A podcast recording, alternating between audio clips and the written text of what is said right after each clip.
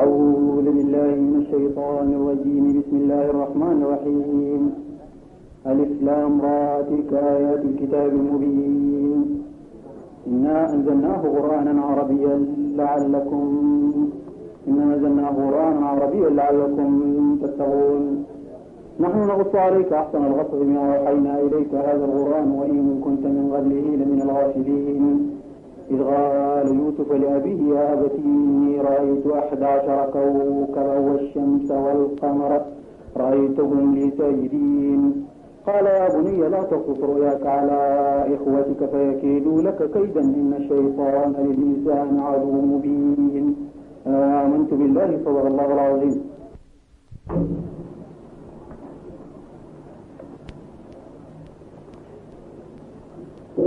رئيس الجبهة الديمقراطية بالكلية المهنية العليا الطالب عبد الحكم الأمين يلغي الكلمة السادة الضيوف زملائي الأعزاء طاب متابق نود أولا أن نرحب ترحيبا حارا بالأستاذ محمود محمد طه الذي يقود في هذه الأيام معركة ضارئه وسافرة مع قوى الرجعية والجمود هذه المعركة التي يدور روحاها في الثلث الأخير من القرن العشرين ويأبى أعداء التقدم والسلم إلا أن يشهروا أسلحة عصور عصور أسلفت وبادت وأضحت اليوم ضمن رقام الحيوانية الإنسان التي تخلى عنها وأصبح يرتقي سلم الإنسانية مستعملا العقل والعلم أسلحة لا بديل لها في شق طريقه إلى مراقي ثانية ثرة ترفع من قيمة الإنسان باعتباره أعظم رأس مال في هذا الوجود ولكن هنالك ضريبة السير إلى تلك المعالم يحكمها حركة التاريخ وتصيغها في حركة التضاد قانون الصراع قانون صراع جبار بين السلبي والإيجابي بين الجامد والمتحرك بين من ينشد القنوط والدعوى والركود والتقني بكل بال متخلف وبين من ينشد التقدم والانطلاق والتفاعل تفاعلا إيجابيا مع حركة التاريخ أيها المواطنون إن بلادنا اليوم تقف من منعطف الطريق تعيش لحظات حاسمة من تاريخها فلقد تجمع أعداء البلاد حول أنسب ثيقة يمكن أن تصور أن تصون مصالحهم ويهربوا ويردعوا بها الأحرار من أبناء هذا الشعب ويتسلطوا بها على رقاب على رقاب الناس جميعا وفي نفس الوقت يمكن أن تجد القبول كاقتراح من فئات شعبية مختلفة عن جهل ومن دون تفهم ومن جراء حكم العاطفة وهذه الصيغة يلوح بها اليوم وكأنها البلسم الشافي لجراحات وآلام الناس ومشاكلهم وما درى الناس أنها حصان طروادة الذي يحمل في جوفه ما يحمله لهم من الويلات إنما يسمى زورا وبهتانا بالدستور الإسلامي خطر ماثل علينا مواجهته بصلابة لأنه قدر لهذا البلد أن يحكم به وسوف يعيش المجتمع في تخلف دائم ويعوق نموه كما أنه سوف يحجب المواطنين عما يجري في العالم من فكر وإبداع مادي ويرجع بهم إلى مدنية مدنية وشريعة قد خلفها الإنسان من من من سنينه الماضية. لقد ساغت لنا الأقدار حادثة عملية لكي نفتح عيوننا جيدا للخطر. ساغها في الحكم الذي أصدرته المحكمة الشرعية والقاضي بردة الأستاذ محمود محمد طه على الإسلام وبالتالي وبالتالي حرق كتبه وأي جريمة هذه ونحن في الثلث الأخير من القرن العشرين يحارب الفكر بالإرهاب والاضطهاد إن هذه الحادثة لجديرة بنا كي نرى بوضوح المصير الذي سوف يؤدي نؤول إليه بسبب وثيقة الجهل التي تسمى زورا وبهتانا بالدستور الإسلامي ولكي تتضح لنا معالم مع معالم ذلك المصير وضوحا أكثر لابد أن نمعن النظر فيما حدث بجامعة الخرطوم قبل أسابيع قليلة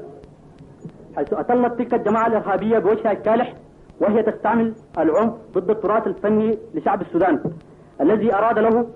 الشعب أبناء الشعب الحقيقيين أن يتطور حتى يقف سدا منيعا أمام الرغصات الخليعة المجلوبة من المجتمعات الرأسمالية علينا أن ندقق التفكير وأن نرفع صوت العقل ونخفض صوت العاطفة ونقول لا بشجاعة وقوة أمام وثيقه التجمع الرجعي المسماه بالدستور الاسلامي والسلام عليكم. بسم الله الرحمن الرحيم. ناخذ بحديثنا هذه الليله وهو بعنوان الاسلام بشريعته الاولى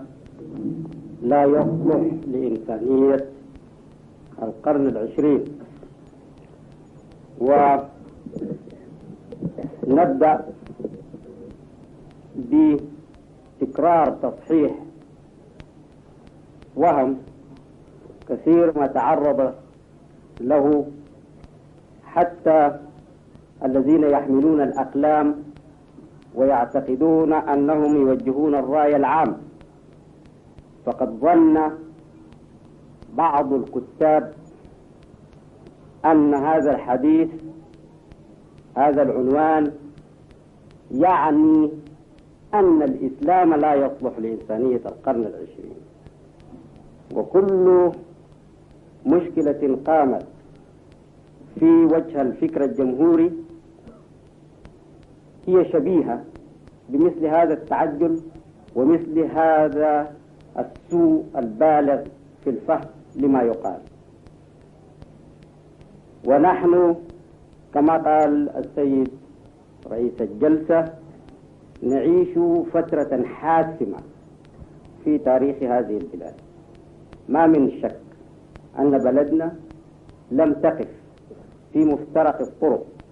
كما هي واقفة اليوم حتى في فجر ثورة أكتوبر التي جاءت بالتغيير الأساسي ورفعت معنوية الشعب وأعادت للشعب اعتباره في أنه دفع ثمن الحرية بإزالة الحكم العسكري لم تقف بلادنا مثل هذا الموقف لأن هذا الموقف موقف فكر لأن هذا الموقف موقف تطفيف للقيم وللأفكار ولحرية الناس محاولة لصرف الاتجاه الصاعد للتغيير الإيجابي الواعي الرشيد وما أعتقد أن هناك زمن طويل ليضيع في المواقف السلبية من المثقفين في هذا البلد يتفرجون على الحوادث تمر بهم وكأنها لا تعدهم إن هناك أمر يدبر هناك عمل يجري باسم الإسلام والإسلام منه بريء وأنا أعتقد أننا نحن المثقفين فرطنا في الإسلام حتى تولاه قوم يعيشون باسمه يستغلون عقيدته ويستغلون شريعته وعاشوا جميع حياتهم من غير أن يدفعوا عنه عادية من غير أن يظهروه بالمظهر اللائق به حتى أصبح الناس في هذا البلد يزعمون أنهم هم الأوصياء على حريات الآخرين وأن المثقفين لا يستطيعون أن يتكلموا باسم الإسلام لأنهم قد اتجهوا اتجاها غير الاتجاه الإسلامي فهذه المحاضرة تحاول أن تبسط للمثقفين حقيقة الدين الإسلامي وأنا أعتقد أن أولى الناس بالإسلام الذين يفهمونه وليس الذين يستغلونه ويعيشون باسمه ويظهرون بمظهره من غير أن تكون حقائقهم مصدقة لهذا المظهر الإسلام برسالته الأولى لا يصلح لإنسانية القرن العشرين تعني هذه العبارة بصرف النظر عما يقال تحتها من محتوى أي إنسان يقرأ هذا العنوان يستطيع أن يفهم أن هناك إنسان يرى أن في الإسلام معنى غير الرسالة الأولى وأنه يعتقد أن هذا المعنى يصلح لإنسانية القرن العشرين في حين أن المعنى المتداول في حين أن المعنى الأولي في الإسلام لا يصلح ولا يمكن لأي إنسان عنده مسكة من عقل أن يعتقد أن العنوان ده يعطيه الحق يعني يقول أن الإسلام لا يصلح لإنسانية القرن العشرين يضاف إلى ذلك أن الذين قالوا هذا القول يعرفون أن الحزب, الحزب الجمهوري منذ عشرين سنة يدعو إلى الإسلام الإسلام برسالته الأولى لا يصلح لإنسانية القرن العشرين سيكون مدخلنا في تبيينه من التعريف بالإسلام والتعريف بالإسلام يحتاج إلى سبيل لأن ما درجت عليه العصور فهم فيه نقص ويمكن أن نبدأ بالحديث المشهور بحديث جبريل قال عمر بن الخطاب بين كنا جلوسا عند رسول الله صلى الله عليه وسلم إذ أقبل رجل شديد سواد الشعر شديد بياض الثياب لا يرى عليه أثر السفر ولا يعرفه منا أحد فجلس إلى رسول الله صلى الله عليه وسلم ووضع ركبتيه إلى ركبتيه ووضع يديه على فخذيه وقال يا محمد أخبرني عن الإسلام قال الإسلام أن تشهد أن لا إله إلا الله وأن محمد رسول الله وأن تقيم الصلاة وأن تؤتي الزكاة وأن تصوم الشهر وأن تحج البيت إذا استطعت إليه سبيلا قال صدق قال فعجبنا له يسأله ويصدقه قال فأخبرني ما الإيمان قال الإيمان أن تؤمن بالله وملائكته وكتبه ورسله والقدر خيره وشره واليوم الآخر قال صدق قال فأخبرني ما الإحسان قال الإحسان أن تعبد الله كأنك تراه فإن لم تكن تراه فإنه يراك قال صدق قال فأخبرني متى الساعة قال ما المسؤول عنها بأعلم من السائل قال فأخبرني عن علاماتها قال أن ترى الحفاة الرعاة الحفاة العراة رعاء الشاء يتطاولون في البنيان وأن تلد الأمة ربتها قال صدقت فانصرف قال رسول الله صلى الله عليه وسلم يا عمر أتدري من السائل قال الله ورسوله أعلم قال هذا جبريل أتاكم يعلمكم دينكم الحديث ده متواتر وكثير وبنى عليه الفقهاء أن ديننا هو الإسلام والإيمان والإحسان وهذا ما عليه المعرفة الحاضرة والتعريف الحاضر للإسلام ولكن هناك أمر هو أن الإسلام معنى في البداية ومعنى في النهاية المعنى في البداية هو القول باللسان والعمل بالجوارح من غير أن يكون في تصديق من القلب حتى قد يكون في هذه الدرجة من التعريف قد يكون الإنسان منافق وهو مسلم والعبارة وردت في الحديث النبوي أمرت أن أقاتل الناس حتى يشهدوا أن لا إله إلا الله وأن محمد رسول الله ويقيموا الصلاة ويؤتوا الزكاة فإذا فعلوا عصموا مني أموالهم ودماءهم إلا بحقها وأمرهم إلى الله أمرهم إلى الله معناها ما أمرت أن نقول للمنافق أنت منافق ما دام هو ظاهر ومحتفظ بالصورة الإسلامية في القول باللسان والعمل بالجوارح ما عليه من سبيل وده الإسلام اللي ربنا رد له الأعراب في القرآن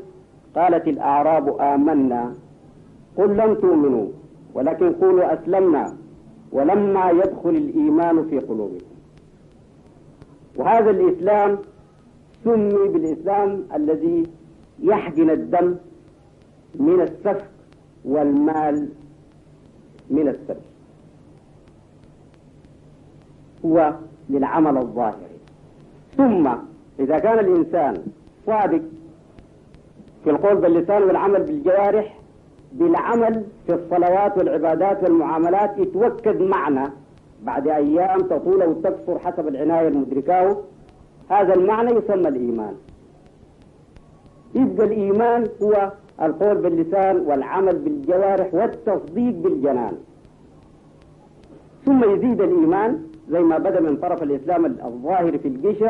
بقى إيمان يزيد الإيمان يبقى إحسان والإحسان تعريف النبي له أن تعبد الله كأنك تراه أن تكون من قوة تخيلك وقوة إيمانك أنك أنت بترى الله عندما تقوم في عبادته إن كنت أقل من الدرجة دي قال فإن لم تكن تراه فإنه يراك أيقن لأن الله يعلم خائنة الأعين وما تخفي الصدور فحين تتصرف وأنت أمامه تصرف بخشية المراقب ده معنى الإحسان أن تعبد الله كأنك تراه فإن لم تكن تراه فإنه يراك ثم عندما يزيد الإحسان تجد درجات جديدة خارجة عن الحديث ده المشكلة عند فقهانا أن الحديث وقف هنا وبقول أنه هذا جبريل أتاكم يعلمكم دينكم ما زاد عن عن الحديث نودع في القرآن فكأنهم عندما رأوا أن جبريل جاي يعلمنا ديننا أصبح ما في حاجة تخرج عن الحديث ده وإلا لكان جبريل سأل منها لأمام ما يخرج من الحديث موجود في القرآن وهو أن درجات الإيمان تزيد حتى تدخل في مرحلة جديدة اسم الإيقان الإيمان والإيقان اليقين اليقين موجود في المصحف في ثلاث درجات هو أيضا في الحديث إسلام إيمان وإحسان في الحديث في القرآن علم يقين وعين يقين وحق يقين ويقول كلا لو تعلمون علم اليقين لترون الجحيم ثم لترونها عين اليقين ثم لتسألن يومئذ عن النعيم ويقول هناك وإنه لحق اليقين فسبح باسم ربك العظيم وإنه لحق اليقين إنه ترجع للقرآن ترجع لله لأنه الله في في القرآن عندما يدعى إلى قمة ويصبح الصفة القديمة القائمة بالذات ما هو غير الذات فيصبح وإنه لحق اليقين هو الله وعندما الإنسان يبلغ بعلم الله حق اليقين يسلم إسلام غير الإسلام الأولاني هو الإسلام اللي نحن بصدده بنتكلم عنه والبيقول عنه ربنا إن الدين عند الله الإسلام والبيقول عنه ومن يبتغي غير الإسلام دينا فلن يقبل منه وهو في الآخرة من الخاسرين ولا يمكن لإنسان أن يرى أن الكلام اللي بيقول عنه ربنا إن الدين عند الله الإسلام هو الإسلام الأولاني اللي ربنا رد له العرب الأعراب حين أنكر عليهم أن يكونوا مؤمنين فرداهم للإسلام الإسلام إذا إسلام في البداية إيمان إحسان علم يقين عين يقين حق يقين ثم إسلام بمعنى استسلام وانقياد وطاعة ورضا بالله وقال ربنا لإبراهيم إذ قال له ربه أسلم إبراهيم الخليل فات مراحل الإيمان ربنا طلب منه قال له ربه أسلم قال أسلمت لرب العالمين ده بعد بعد رياضة وتدرج وترقي في المعارف وربنا يقول عنها وكذلك نري إبراهيم ملكوت السماوات والأرض وليكون من الموقنين ما قال ليكون من المؤمنين كذلك نور إبراهيم ملكوت السماوات والأرض يعني أسرار الوجود وليكون من الموقنين يقول ربنا عن إبراهيم وإذ قال إبراهيم رب أرني كيف تحيي الموتى قال أولم تؤمن قال بلى ولكن ليطمئن قلبي مش عايز هو الإيمان هو طلب زيادة الإيمان ليدخل في اليقين ويقول ربنا وإذ ابتلى إبراهيم ربه بكلمات فأتمهن امتحنوا بالمواقف المعروفة عندكم لما عايزين يرموه في النار لما مشى لمصر وباتت زوجته مع فرعون لما أمر بذبح ابنه كلها درجات لما ينفذ المنفذ يدخل في مراحل اليقين بالله وإذ ابتلى إبراهيم ربه بكلمات فأتمهن قال إني جاعلك للناس إماما بعد ما دخل في اليقين بالصورة دي بقى مسلم ومن أحسن دينا ممن أسلم وجهه لله وهو محسن واتبع ملة إبراهيم حنيفا واتخذ الله إبراهيم خليلا ده المعنى أن نحن بنتكلم عنه لما نتكلم عن الإسلام المعنى ده نزل كله في القرآن القرآن اشتمل على كل هذا المعنى والمعنى اللي اشتمل عليه القرآن في الحقيقة ربنا أرسل له الأنبياء من لدن آدم مش سيدنا محمد بس هو رسول الإسلام كل رسول مرسل كل نبي نوح عليه ليعمل في نفسه ليكون نموذج هادي كان على الإسلام ولذلك نبينا قال خير ما جئت به أنا والنبيون من قبلي لا إله إلا الله كل الأنبياء على الإسلام كل الرسل على الإسلام ودعاة للإسلام عندما جاء خاتم الأنبياء سيدنا محمد أوحي إليه بخلاصة الوحي كله كأنما تكامل الوحي اللي كان في مراحل عند آدم وعند نوح وعند إبراهيم وعند كل الأنبياء لغاية ما جاء موسى وعيسى في صور التوراة والإنجيل اكتمل في المصحف فكان تتويج لرسالات السماء للأرض والتحقت الأرض بأسباب السماء وختمت الرسالة من أجل ذلك كل ما أراد الله أن يوحيه للبشر استقر في المصحف وقال ربنا وما كان محمد أبا أحد من رجالكم ولكن رسول الله وخاتم الأنبياء خاتم النبيين ما كان محمد أبا أحد من رجالكم ولكن رسول الله وخاتم النبيين انتهى أمر الوحي واستقر كل الوحي في المصحف المصحف ده مشتمل على كل القرآن كل كل الدين الإسلام الإسلامي لكنه عنده قمة وعنده فروع عنده أصول إن شئتم وعنده فروع أصول القرآن نزلت في مكة وفروعه نزلت في المدينة ونحن نتحدث كثير عن الآية دي مدنية والآية مكية أو الصورة مكية والصورة مدنية لكن ما بنستطيع أن ندقق نتكلم في الأمر ده ونتناقله لكن ما بنعتقد أنه في, في اختلاف حقيقي في مستوى الآيات النازلة في مكة والآيات النازلة في المدينة يظهر لنا أنه إذا كان في اختلاف اختلاف الزمان واختلاف المكان أول الأمر النبي كان في مكة فنزل عليه القرآن ثم بعد 13 سنة هاجر للمدينة فنزل عليه قرآن آخر ده كل ما هناك من اختلاف لكن حقيقة الأمر أنه ما نزل في مكة هو الأصول هو القمم وما نزل في المدينة فروع وأن الإسلام عرض في مكة فانهزم كانت الهجرة للمدينة انتصر لكن إن أردتم الدقة لم ينتصر الإسلام وإنما انتصر الإيمان هنفتكر بعد الحديث اللي قدمناه الإيمان بيبقى واضح والإسلام واضح المراحل الأولانية بتاعة الحديث إسلام إيمان إحسان بمرحله علم يقين وعين يقين وحق يقين مرحلة بالمرحلتين اكتمل الإسلام ما انتصر في المدينة ليس الإسلام وإنما هو الإيمان والأمة في المدينة هي أمة المؤمنين وليست أمة المسلمين على التحقيق ولكن نحن سلفنا يسمى المسلمين لأنه يجي الاسم من الاسم الأولاني العام أما الاسم الأخير اللي به الاستسلام ده لم يتم إلا للنبي في مجتمعنا في القرن السابع لم يكن هناك مسلما على التحقيق بهذه الصورة إلا النبي أبو بكر وما دونه من المؤمنين وده السر في أن الآيات المدنية دائما تتكلم عن الذين آمنوا إذا أنت عايز تفرق في القرآن بين المكي والمدني يكاد يكون على التعميم كل آية يكون فيها يا أيها الذين آمنوا فيها كلام عن المؤمنين هي آية مدنية كل آية أخذ العبارة دي على التعميم كل آية فيها يا أيها الذين آمنوا هي آية مدنية مقابل لها هنا المكي يا أيها الناس يا بني آدم الصورة المعممة لهذه الصورة لكن يا أيها الذين آمنوا دائما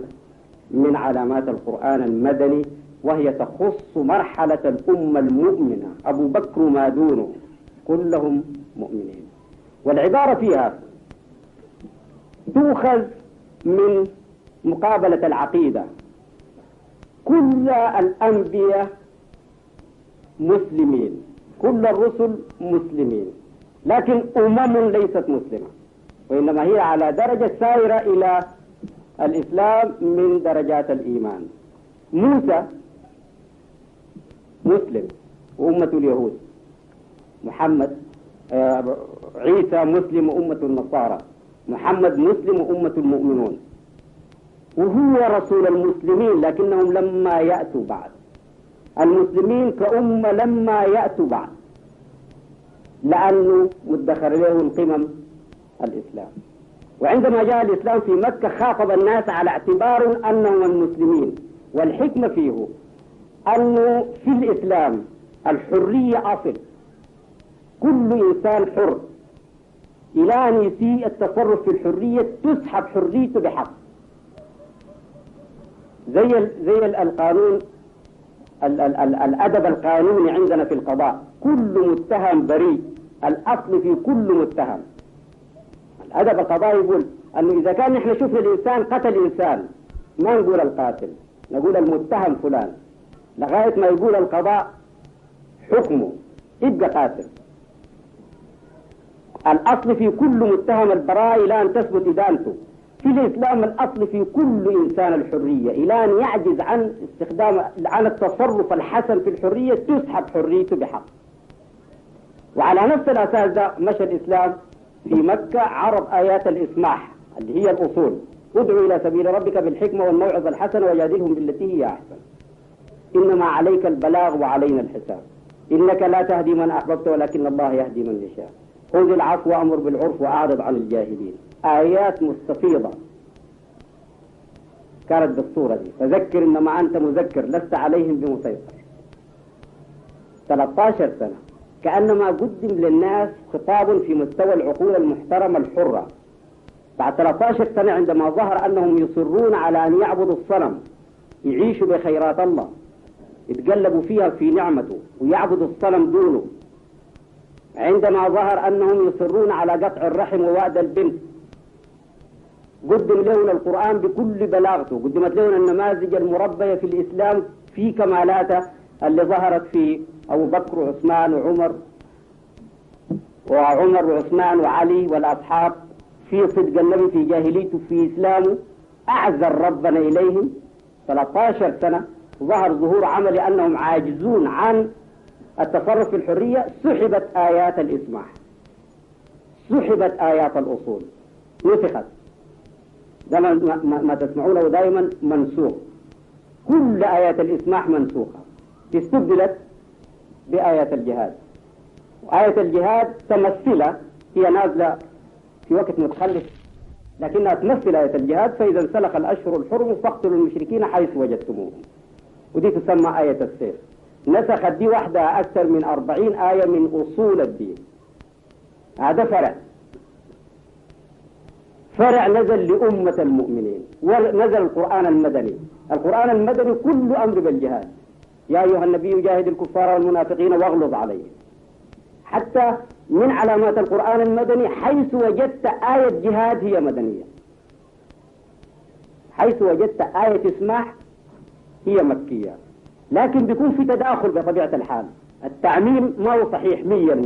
لكن الأغلبية الظاهرة في آيات المدينة آيات جهاد في آيات مكة آيات إسماح لكن لا إكراه في الدين قد تبين الرشد من الغي كأنها بروح مكية لكن نزول مدني آه هنا نشأت أمة المؤمنين برضو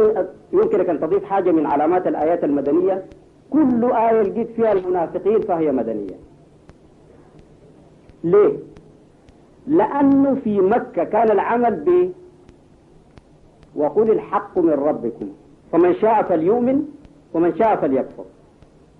ما دام المسألة بالحرية بالصورة دي ما في داعي للنفاق يمكن للإنسان أن يجي للنبي يؤمن أو أن يظل بعيد منه أو حتى أن يجي يجبه بكفره حصل ما عليه من سبيل ما عليه ما هو خايف ولذلك ما في نفاق في الآيات المكية حيث وجدت المنافقين بآيات مدنية لماذا؟ لأن الأمر بالجهاد قام في المدينة ونبينا قال الحديث اللي قرأته لكم قبل قليل أمرت أن أقاتل الناس حتى يشهدوا أن لا إله إلا الله وأن محمدا رسول الله فإذا فعلوا عصوا مني أموالهم ودماءهم إلا بحقها وأمرهم إلى الله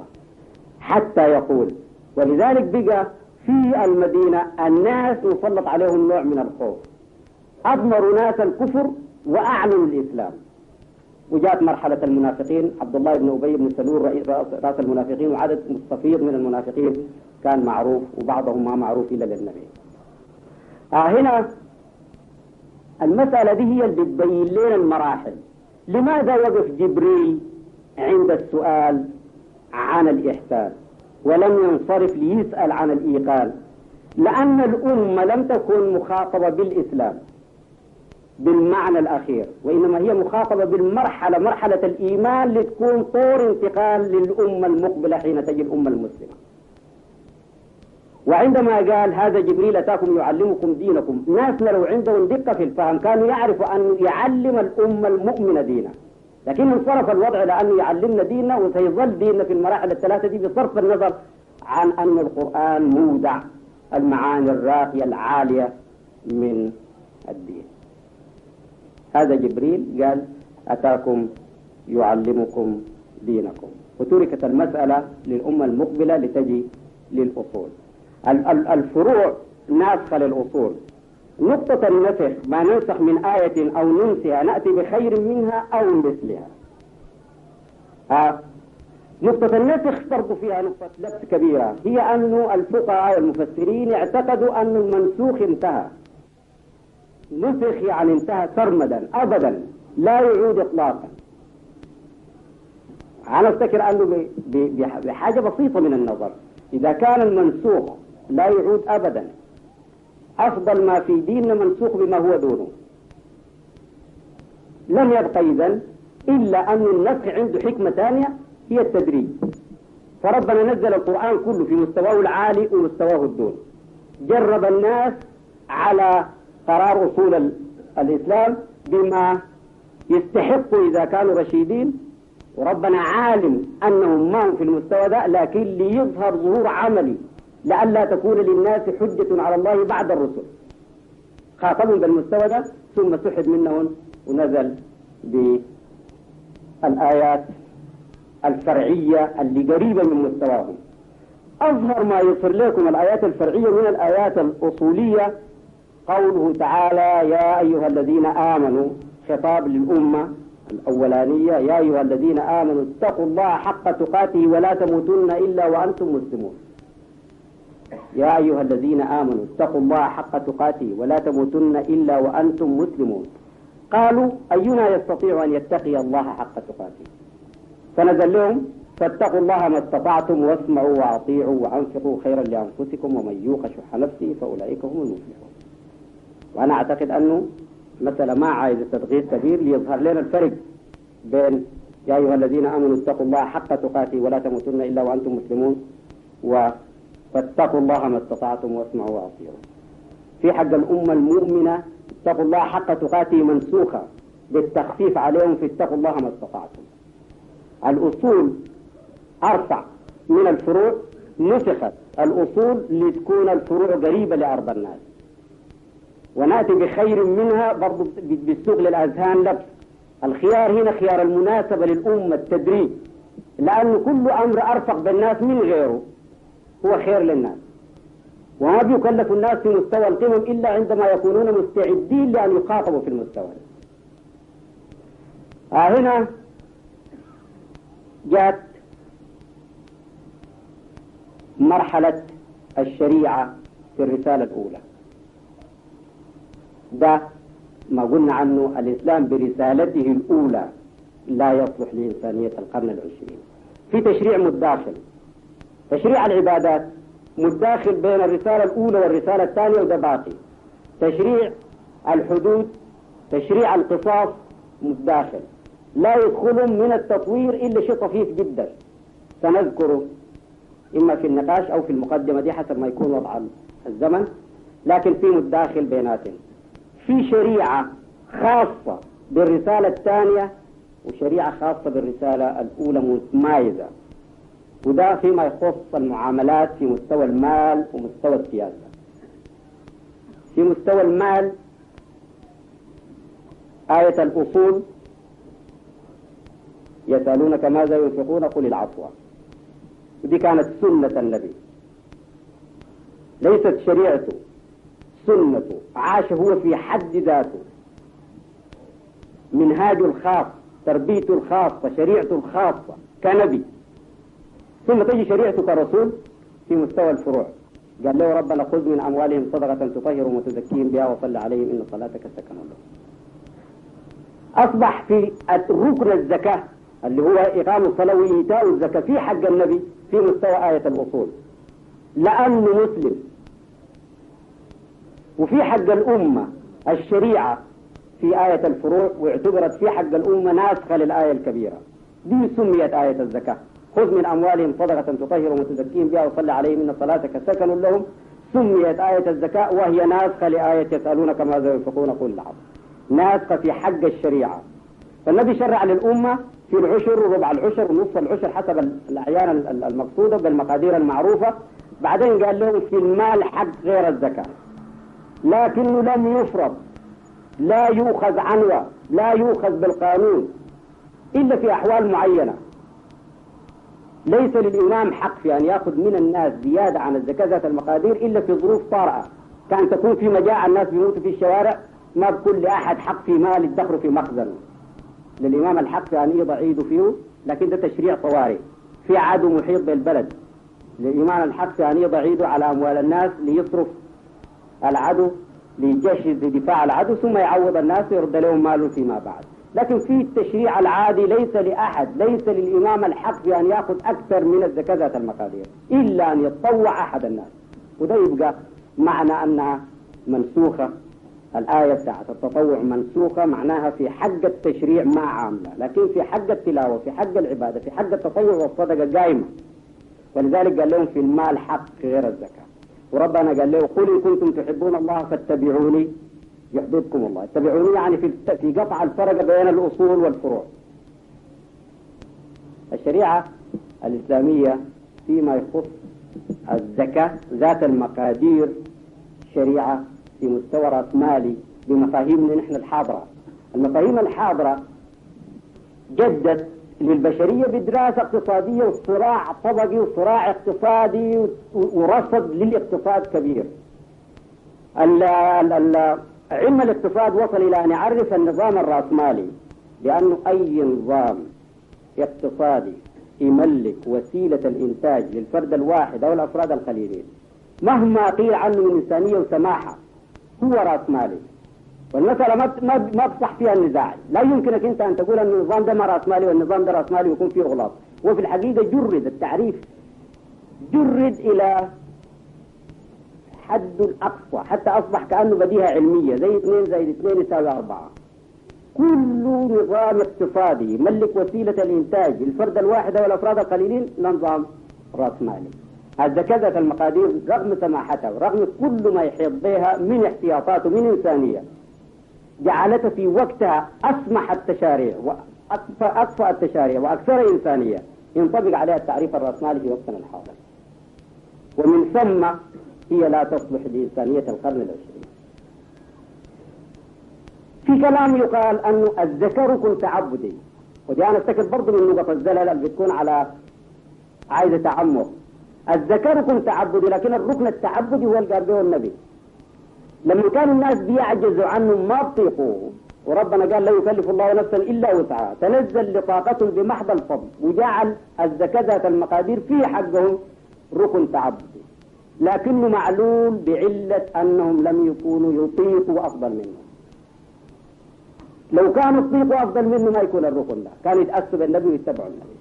لكن لو كلفوا بالصورة دي في أن يزكوا في مستوى النبي كانوا انقطعوا وانتم طبعا عارفين الحرص والشح اللي صاحب النفس البشرية بماله الردة في الإسلام ما كان سببها كثرة الصلاة ولا كثرة الصيام الناس ما يرهقوا بالصلاة ولا يرهقوا بالصيام ولا يرهقوا بالحج لأنها يسيرة لكن عند المال كانت في نفسه الحاجة منه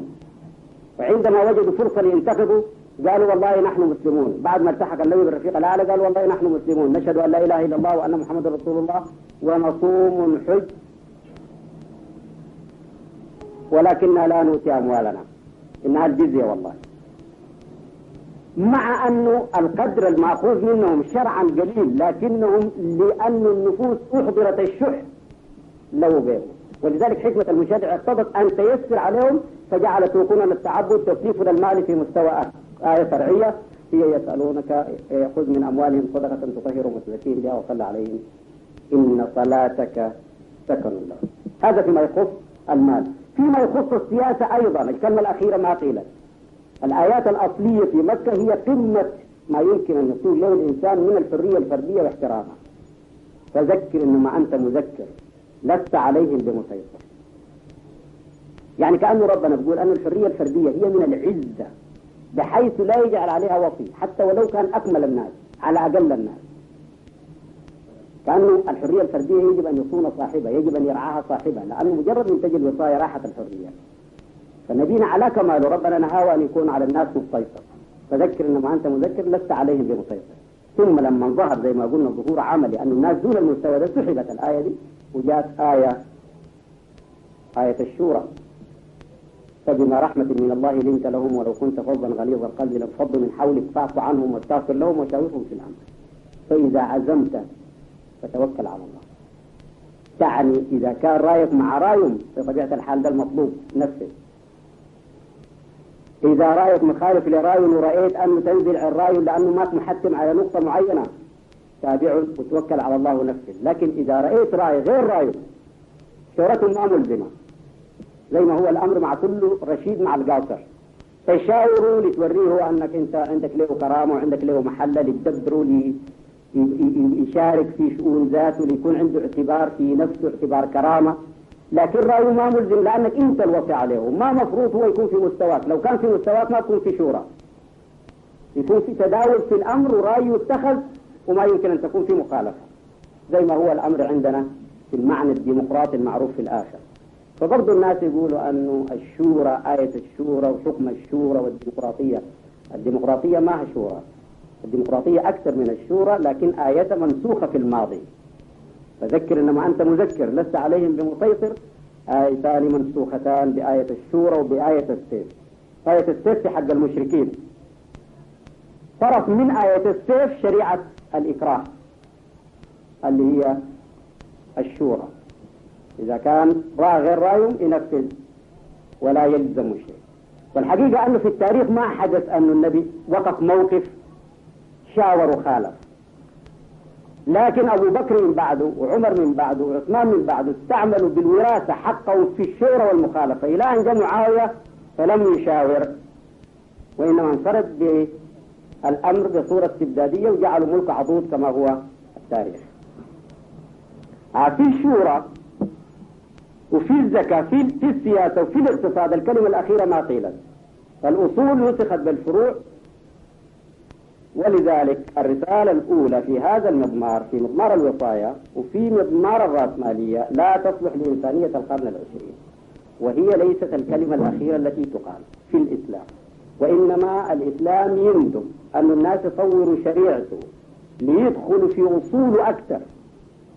في بعض الناس يفتكر أن الكلام ده فيه تقويض للإسلام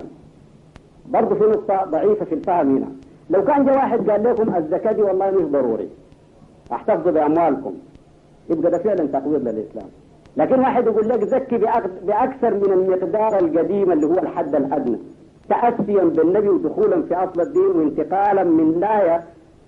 آية فرعية نحو آية أصلية لا يمكن أن يكون العمل ده مقوض للدين بل الحقيقة مركز للدين وداعي له بأكثر مما كان مطبق في الماضي يمكن للإنسان أن يتصور علميا مش مسألة تخيل أن النبي لو بعث اليوم لا يمكن أن يشرع في كذا المقادير لأنه لأن التشريع أصله رهين بالوقت ما في تشريع هو غاية في ذاته ما في أي حاجة هي غاية في ذاتها غير الإنسان ولا القرآن لأن ربنا غني عن عبادتنا ربنا غني أن يتكلم لنا في قرآنه يتكلم لنا لمصلحتنا نحن فإذا أصبح كلامه في القرآن وسيلتنا نحن لنعرف لنحيا الحياة الكاملة الراقية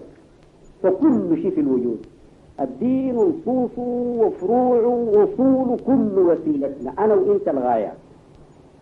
وده من هنا تعرف أن نبينا لو بعث اليوم لا يمكن أن يرجع ليجعل الزكاة المستوى ذاك لأنه في الجو اليوم وفي طاقة البشرية وفي إدراكاته ومعارفة الاشتراكية والاشتراكية ما بتنازع اثنين في أنها أفضل من الرأسمالية الرأسمالية أيسر ما يقال فيها أن بقية من شريعة الغابة عندما كانت القوة تعطي الحق للقوي وتعطيه الحق في أن يتقاضى حقه ما محتاج يقاضي كمان البقايا دي هي نحن باستمرار بنخرج منها لندخل في قانون الإنسانية بشريتنا في الوقت الحاضر عندها رواسب من قانون الغابة في معنى أنه القوي صاحب حق الحق ده ياخذ شتى الوسائل حتى بالاحتيال على القانون ده كله من الرواسب دي نحن داخلين في قانون الإنسانية بمعنى أن يكون للضعيف حق القوي يحمي حق الضعيف السلطة تقوم لتنفذ لتجعل الفقير له حق مش له صدقة يمن بها عليها ودي غاية الإسلام وغاية البشر الماشيين لها وأنا أفتكر المجتمع البشري في الوقت الحاضر مهما يقال عنه من صور الضعف والتفسق والانحلال إنما هو بيبحث عن القيم البشرية والإنسانية الرفيعة بالصورة الحاضرة أن احنا شايفينها أحلامه في أن تكون هناك عدالة اجتماعية في أن تكون هناك عدالة اقتصادية اشتراكية في أن تكون هناك عدالة سياسية ديمقراطية ما أفتكر أنه في دول بيتخلف منها أي واحد من الناس اللي هسه بيتكلموا عن المسائل لو سألته في خاصة نفسه أو قام يتكلم في مجتمع زي المجتمع ده لا يمكن أن يدافع عن الرأسمالية وانتم تعرفوا أنه نحن بعد ثورة أكتوبر كل حزب من أحزابنا حتى الإقطاعية منها كانت تتكلم عن الديمقراطية والاشتراكية لأن الشعب متفتح للديمقراطية والاشتراكية ونحن شعبنا ما يجوز ما يكون آخر الشعوب لكن مؤكد أنه دون مستوى الشعوب الراغية اللي بتعرف معاني الاشتراكية والديمقراطية بكثير مع كذب شعبنا متفتح للعدالة اللي بتجيب الاشتراكية والديمقراطية ده ما من أجل قلت لكم أن نبيل لو بعث اليوم يشرع من المرحلة دي ويمشي لقدام بيجعل الناس أشراك في المال والاشتراكية ما كان يمكن أن تجي قبل وقتها الاشتراكية بمعناها العلمي لا يمكن أن تجي قبل وقتها بمعناها الساذج البدائي الفطري قديمة لآخر درجة لكن بمعناها العلمي اللي هو تأمين وسائل الإنتاج ملكية الجماعة لوسائل الإنتاج زيادة الإنتاج من وسائل الإنتاج بالآلة وبالعلم وبالإدارة وعدالة التوزيع ما كان يجي يمكن أن يجي قبل وقتها ووقتها بدقة الوقت اللي بدت فيه الصناعة بدأ الاقتصاد يتحول من الصورة الإقطاعية في الريف إلى الصورة الصناعية في المدينة ونشأت الآلة بالصورة دي يمكنك أن تقول الاشتراكية بنت الآلة الاشتراكية بنت الآلة لأنه الناس عايزين يشتركوا في الخيرات الخيرات دي لما أنا أكون وينت من العمال بنعمل بإيدنا يجوز يكون ما ننتجه في السنة كلها قدر استهلاكنا نحن قريب ده كنا بنزرع في الزراعة المطرية بنشتغل بالطورية بالسلوكة بالملوز الإنسان بيجيب له 30 أو 40 أردب بيبيع منه قدر كبير جدا لأنه كان عايش الخريف كله على السلفية والاستجرار بعدين الباقي منها بيعمل منه منته في الصيف وبيع بعضه لينكسبه في المناسبات والمواسم لما تجي الزراعة الجديدة تلقاه أحيانا يشتري السيارات في الوقت الحاضر بنستعمل الجرارات بنستعمل التراكترات في الزراعة الآلية الإنسان بتراكتر واحد بيزرع له ألف فدان قد يجيب ستة أو سبعة آلاف أردك عشان تعرف الآلة هي اللي بتمكنك من أن تأخذ حاجتك وما يزيد عن حاجتك يفيض على الناس الآخرين اللي ما بينتجوا وده معنى الاشتراكية آه هنا ده الاشتراكية ما كان يمكن أن تجي قبل وقتها وليس من نقص تشريعنا ألا يشرع في الاشتراكية في القرن السابع بل الحقيقة من كماله أنه دعا المحاولة في الاشتراكية اتمشت مع حاجة الناس وطاقة الناس لكن أشارت بالأصبع الطوال إلى الطريقة بمواصلته بالتطوير فيه نصل إلى مسألة الاشتراكية فإذا يمكنك أن تقول أن الشريعة الإسلامية بصورتها في الرأسمالية وصورتها في الشورى لا يمكن أن تصلح لإنسانية القرن العشرين الرسالة الثانية ما هي شيء غير من القرآن ما هي شيء خارج عن القرآن بل الحقيقة أنها كانت مطبقة وموجودة وعاش النبي هي سنته دي برضه نقطة أنا أفتكر بتحتاج لنظر دقيق ما يعرفون الفقهاء عن السنة هي عمل النبي وقوله وإقراره وده خطأ النبي إقراره وقوله شريعة في بعض من دول يلحق بسنته بيدل على حالة قلبه سنة النبي عمله في خاصة نفسه وهو قال قولي شريعة وعملي طريقة وحالي حقيقة فالسنة شيء غير الشريعة يمكنك أن تقول السنة شريعة موكدة فنبينا كان في سنته عنده شريعة في المال هي أن ينفق كل ما زاد عن حاجته هذه شريعة موكدة أكثر من شريعة الأمة عنده صلاة الليل مفروضة عليه دي شريعة موكدة أكثر من شريعة الأمة لكن تخفيف للأمة نزل لهم ليعلمون في المستويات اللي وقال نحن معاشر الأنبياء أمرنا أن نخاطب الناس على قدر عقولهم فأنت عندما تتحرك من صور الشريعة الأولانية صور الرسالة الأولانية لتقرب للنبي أنت متحول من الرسالة الأولى للرسالة الثانية اللي عاش هو في وقت ذاك واللي هي رسالة المسلمين الذين لما يأتوا في الأربعة وبشر بهم النبي بل الحقيقة أنه هو رسول هم في المكان الأول ورسول للأمة الماضية في المكان الثاني هو كأنما رجع من القرن العشرين وما بعد القرن العشرين للقرن السابع ليدرج الناس لقدام ما كان منهم كل شمايله كل معارفه إما بعيدة منهم بعدين قال واشوقاه لإخواني الذين لما يأتوا بعد قالوا لا ولسنا إخوانك يا رسول الله قال بل أنتم أصحابي واشوقاه لإخوان الذين لما يأتوا بعد أولسنا إخوانك يا رسول الله بل أنتم أصحابي واشوقاه لإخوان الذين لما يأتوا بعد قالوا من إخوانك قال قوم يجيئون في آخر الزمان للعامل منهم أجر سبعين منكم قالوا منا أم منهم قال بل منكم قالوا لماذا قال لأنكم تجدون على الخير أعوانا ولا يجدون على الخير أعوانا روح الحديث مودع في الفرد بين الأصحاب والإخوان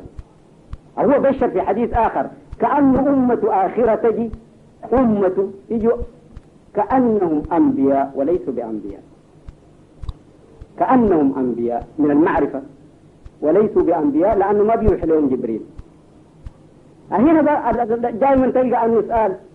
لكن الكلام ده ما عايز وحي الكلام ده عايز يجي من وين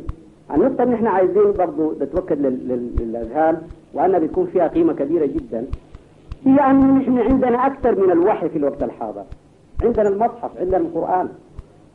ربنا كان بيرسل الملك ليوحي للبشر لكن ربنا هسه بيكلمنا كفاحا كل ما تقرأ القرآن القرآن ما كلامه هو ما كلامه ليك لكن نحن ما معه نحن ما بنسمعه والحقيقة الناس اللي عرفوا القيم القرآن لما نقول ألم نشرح لك صدرك كف الخطاب ده لك أنت أنت هسه بتلقى في التفسير وعلم الفقه الحاضر يقول لك ألم نشرح لك صدرك يا محمد وده حق لكن مجرد ما يبقى شعورك بالصورة دي أنت بتنعزل من الصورة يبقى الله والنبي وأنت متفرد بس الحقيقة أنه كاف الخطاب لكل مصلي كاف الخطاب لكل مصلي لكن النبي في القمة كاف الخطاب له حسب مستواه كاف الخطاب لك انت كاف الخطاب للثالث كل واحد ياخذ من كاف الخطاب استعداده لكن انا لم اشرح لك صدرك لك انت وربنا شرح صدرك على مستوى من المستويات قمت بين يديه وصلي ده شرح صدر وفقك لان تقرا كلامه ده شرح صدر شرح صدر النبي حاجة كبيرة شرح صدرك انت في مستواك لكن اذا كنت ما تشعر بانه الله بكلمك لما نقرا تقرا القران بيكون بينك وبين القران فرق كبير ان تفهمه إذا كان ربنا بكلمنا نحن ما بنفهم ليه أنا أفتكر أنه دي النقطة اللي يجب أن نفكر فيها ما بنفهم لأننا ما معاه لأننا مشغولين أنت ذاتك في البديهة المعاشة بتقدر تشعر بالحكاية دي إذا كان ثلاثة أربعة قاعدين في طرابيزة وأنت مشغول عنهم بهموم قد يتكلموا طول الوقت ولا تعرف قالوا شو دي الحاجة الحاصلة نحن نقول نصلي ونقرأ القرآن لكننا نحن برا وما بنفهم حاجة عن الله إذا كنتم عايزين تفهموا عن الله عندما تدخلوا في الصلاة كونوا معاه تفهموا القرآن لأنه الله بينه لنا لاحظ بأنه الله مش قال للنبي عليك أنت البيان قال لي علي أنا البيان قال لا تحرك به لسانك لتعجل به إن علينا جمعه وقرآنه فإذا قرأناه فاتبع قرآنه ثم إن علينا بيانه وثم إن علينا بيانه ثم للتراخي في الزمن والزمن عند الله سرمدي لأنه نحن سائرين لله في السرمد ما بنصله لأنه مطلق فكأنه ثم إن علينا بيانه ما بنقطع يوم واحد كل لحظة ربنا يبين لنا من القرآن القرآن مطلق كل ما كان استعدادنا الذهني والقلب له كبير كل ما عرفنا معاني كبيرة منه وكل ما ترقينا في الفهم ونحن ماشيين إلى الله في علياه في إطلاقه وأن إلى ربك الرجعة وأن إلى ربك المنتهى فإذا الأمر كبير والأمر بين يدينا لكن في الحقيقة نحن مسؤولون عنه بكثير من الجهل وكثير من دعوات الجهالة اللي بتحوم حولنا وتصرفنا على المعين هو بين يدينا إذا كانت المسألة في الرسالة الأولى هي الصور اللي قلناها نزلت في مجتمع القرن السابع بعض الصور ما عايزة تطوير ما يدخل في تطوير العبادات إلا أمر يسير جدا هو انتقال من صورة الإكراه إلى صورة الإسماح لأنه الأصل في الإسلام الإسماح لا إكراه في الدين قد تبين الرشد من الغي انتقل من صورة الإكراه في السيف إلى صورة الإسماح في ادعو إلى سبيل ربك بالحكمة والموعظة الحسنة أو لا إكراه في الدين قد تبين الرشد من الغي الصلوات والعبادات كلها على الصورة التي وردت بها من المعصوم وهي أكمل صورة لكن الفرد البالغ البالغ الرشيد لا يحمل عليها بإكراه تحمل عليها بالإقناع بالتربية بالنموذج اللي تضربه من نفسك إذا كان ده ولدك إذا كان واحد ثاني من الناس في الفريق في ناس غير المسلمين دعوتك للإسلام بالنموذج وليست بالإكراه ده ما يدخل في العبادات من تطوير ما يدخل في القصاص في الحدود من تطوير هو سعة إدراكنا نحن للشبهات اللي بتدرأ بها الحدود مثلا القاعدة عندنا أنه حد السرقة لو قام في القتل لكن قال اجروا الحدود بالشبهات الشبهة دي كانت في الماضي غليظة جدا تكون عندنا نحن دقيقة مثلا إذا كان السارق مجنون في صور كثيرة تسبق ده لكن ناخذ بسرعة لأنه زي المقدمة قالت إذا كان السارق مجنون ما بيقطع ده دي شبهة بها حد السرقة لكن زمان الجن إلا يكون حاجة ظاهرة جدا إنسان مثلا بيمشي عريان ولا بجد عن هذا الحجار ولا بصورة جائز جدا هسه العلم عندنا علم الطب قد يورينا أنه واحد مجنون يكون مجنون دين مؤقت إذا كانت عنده عادة من السرقة عندما تستولي عليه بيفقد سيطرة عقله عليه مؤقتا وده بيحصل يبقى ده فهم جيد جدا في أن ندرى الحد الشبهة دي لكن الحد إذا قام كل الشبهات ما اندرأت القطع يقوم فده ما يمكن أن يكون من التطوير في الحدود في القصاص في آه، العبادات إذا كانت الصورة دي هي اللي بنتكلم عنها يبقى في حقيقتك انتقالك أنت من شريعة محمد إلى سنة محمد لاحظوا أن نبينا بشر بأنه ديننا ما بعود إلا بالصورة دي عند الحديث قال بدأ الدين غريبا وسيعود غريبا كما بدأ فطوبى للغرباء قالوا من الغرباء يا رسول الله قال الذين يحيون سنتي بعد انتشارها سنتي سنتي غير شريعتي دي نقطة نحن عايزينها تكون دقيقة سنة الذي هي شريعته في النبوة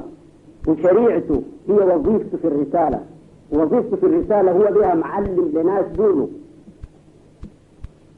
يعني تقالك من هنا لهنا به يدخلك في الرسالة الثانية لكن نحن دون في الرسالة الثانية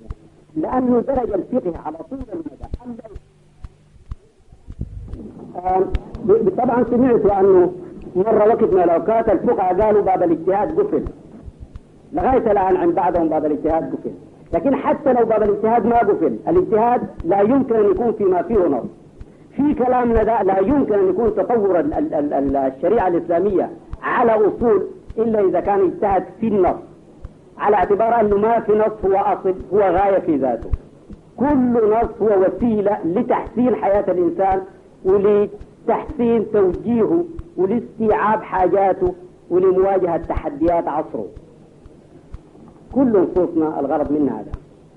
إذا وضحت مثلا سمة الرسالة الثانية اللي بنقصد بها يبقى إنسانية القرن العشرين واحد من الجماعة برضو الكتاب اللي فيهم كلامنا غلط في الأول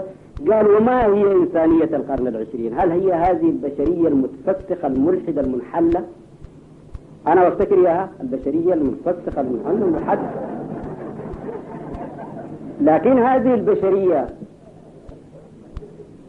هي هي خلق الله والله بحبها وعايز يهديها وهي تفسخها وانحلالها والحاد عبارة عن حيرة البشرية في الوقت الحاضر في مجتمع الأرض كله تبحث عن حاجة ما عرفها يمكنك أن تقول بتبحث عن الله البشرية في التيه إذا كان الإسلام مش للبشرية الضالة دي هل لكل المهتدين إذا أنت ما بتهدي الضال هل هل المهتدي محتاج ليش؟ وأصلا داية السماء جات للأرض 200 عندما كانت متفسقة منحلة وتايهة في التيه وضالة البشرية دي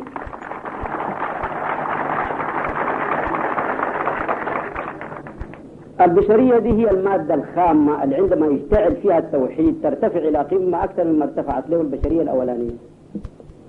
الناس بيكون في في خطأ في أنهم يقارنوا بشريتنا نحن بالمجتمع اللي فيه أبو بكر وعمر وعثمان وعلي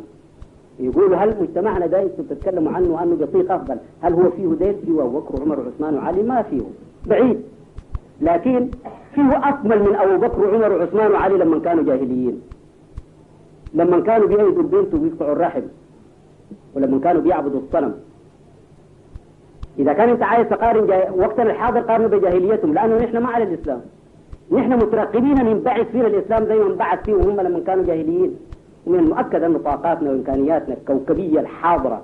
ترفعنا إلى قمة في التوحيد أكثر مما ارتفعوا عليه هم وبذلك يجي تجي الأمة المسلمة وهي اللي تكلم عنها واشوقاه لإخوان الذين لما يأتوا بعد لما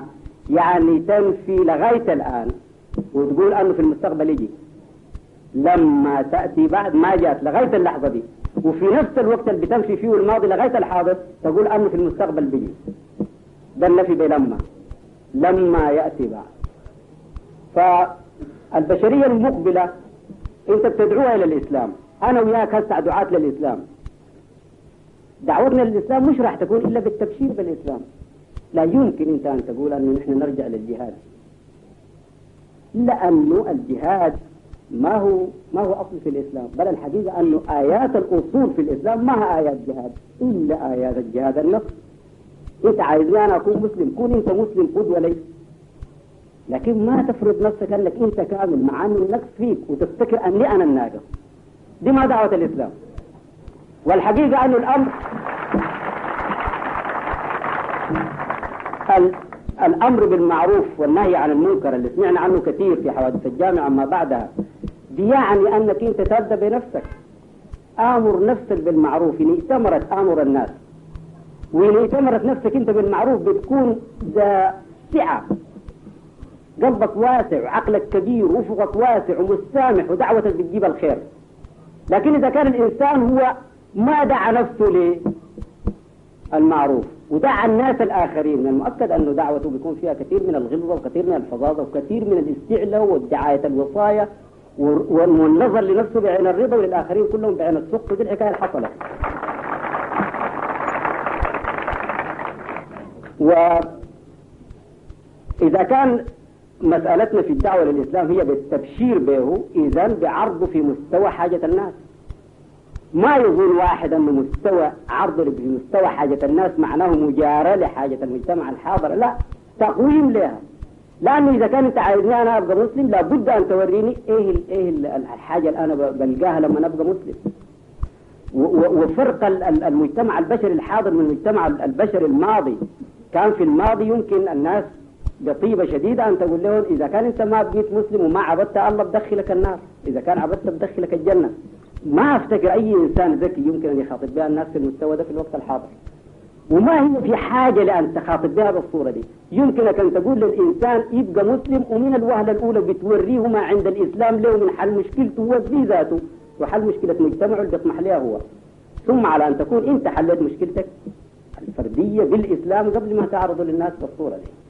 فإذا كانت إذا دعوتنا للإسلامية تبشير به وجب أن نفهم في أصوله وأن ندعو لتطويره وأن نقابل به فلسفات العالم كلها وأن نحاول أن نوري ميزته عليها ده سبيل الدعوة إذا كان في واحد ماركسي عايز تجيبه أنت للإسلام ما يمكن إلا أن توريه النفس الماركسية والكمال في الإسلام إذا كان وجودي لا بد إلا أن توريه وبكل هدوء وبكل موضوعية وبكل سمة إنسانية وسعة أفق وتعاطف وتفاهم وده سبيل الإسلام ادعو إلى سبيل ربك بالحكمة والمرض الحسنة وجادلهم بالتي هي أحسن وقل لعبادي يقولوا التي هي أحسن وقولوا للناس حسنى كل ديننا كده لكن نحن في الحقيقة انحرفنا عنه ومشينا في مدارج سيئة بقينا في الواقع نستغل ديننا لأغراض سياسية أنا أفتكر أنه إذا كان نحن لابد أن نختم نختم الكلام ده لنديكم فرصة لنقاشه أنا بعتقد أنه ساعة الصفر دقة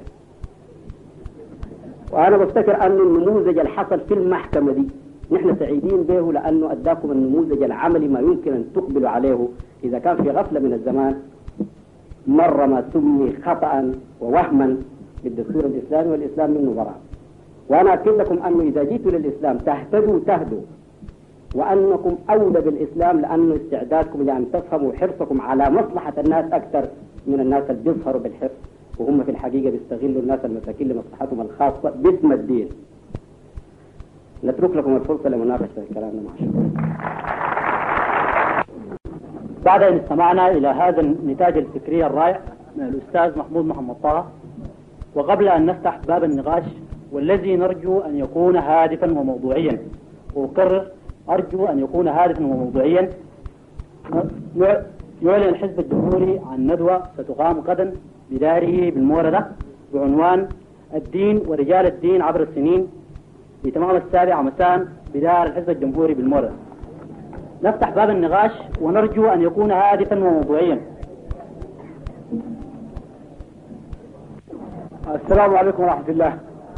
آه، بالله الذي طلب عاوز الاستاذ محمود يورينا ما دار بينه وبين المحكمه الشرعيه العليا في استرداده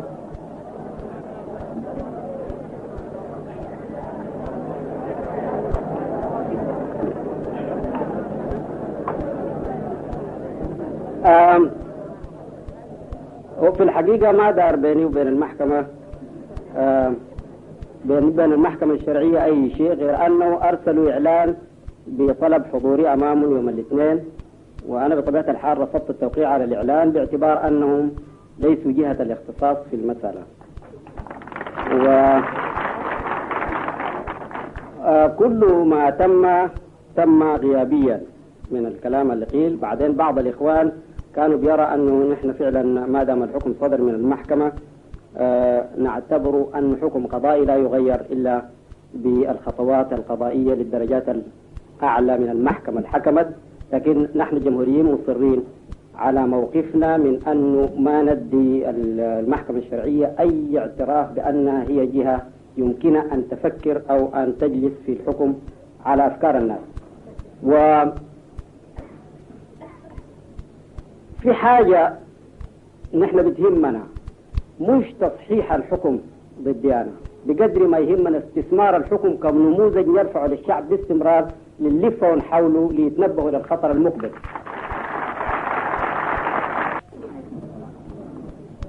ما أحب أسأل الأستاذ بس السؤال بتاعي هل الإيمان شرط أساسي للإسلام وإذا كان كذلك فهل إنسان القرن العشرين مؤمن كما آمن السلف الصالح وهل يحق له أن يدخل في الإسلام كرسالة ثانية فورا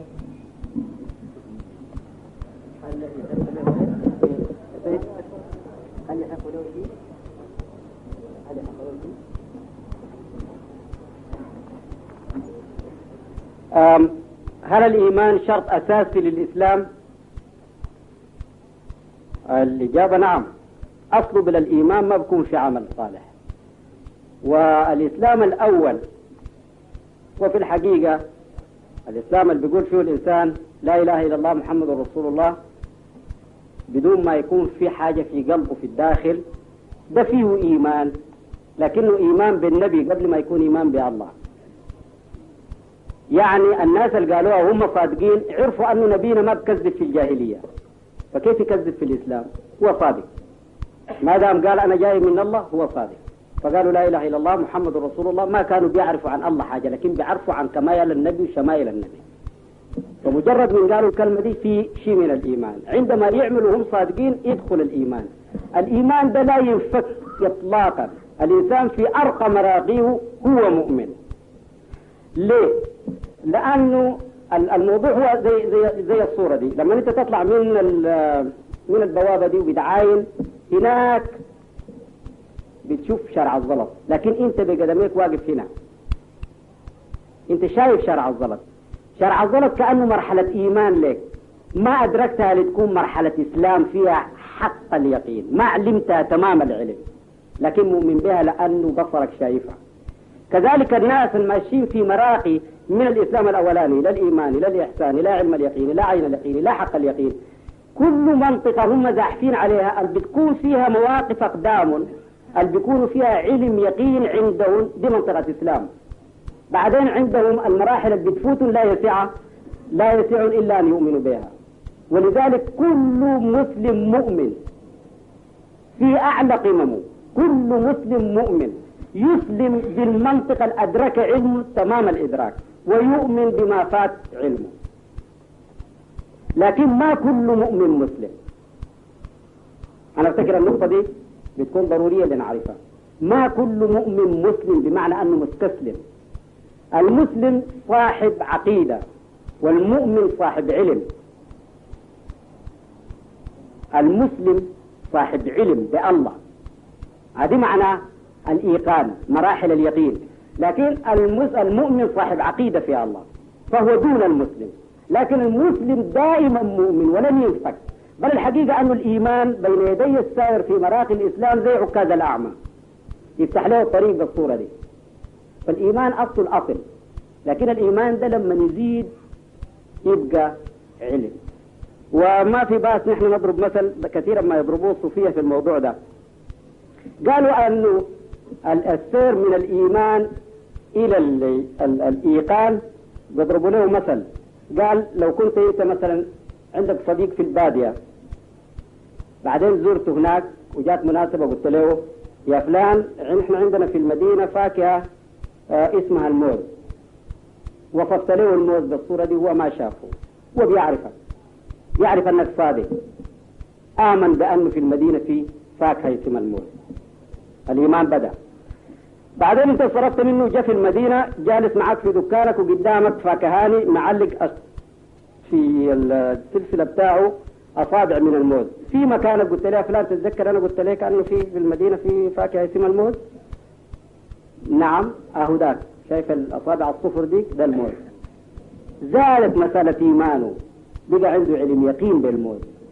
إذا كنت أنت قلت له ورح بالله عليه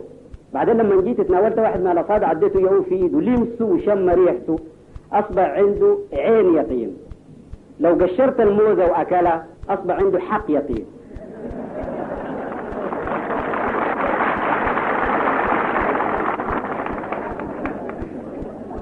ها آه، هنا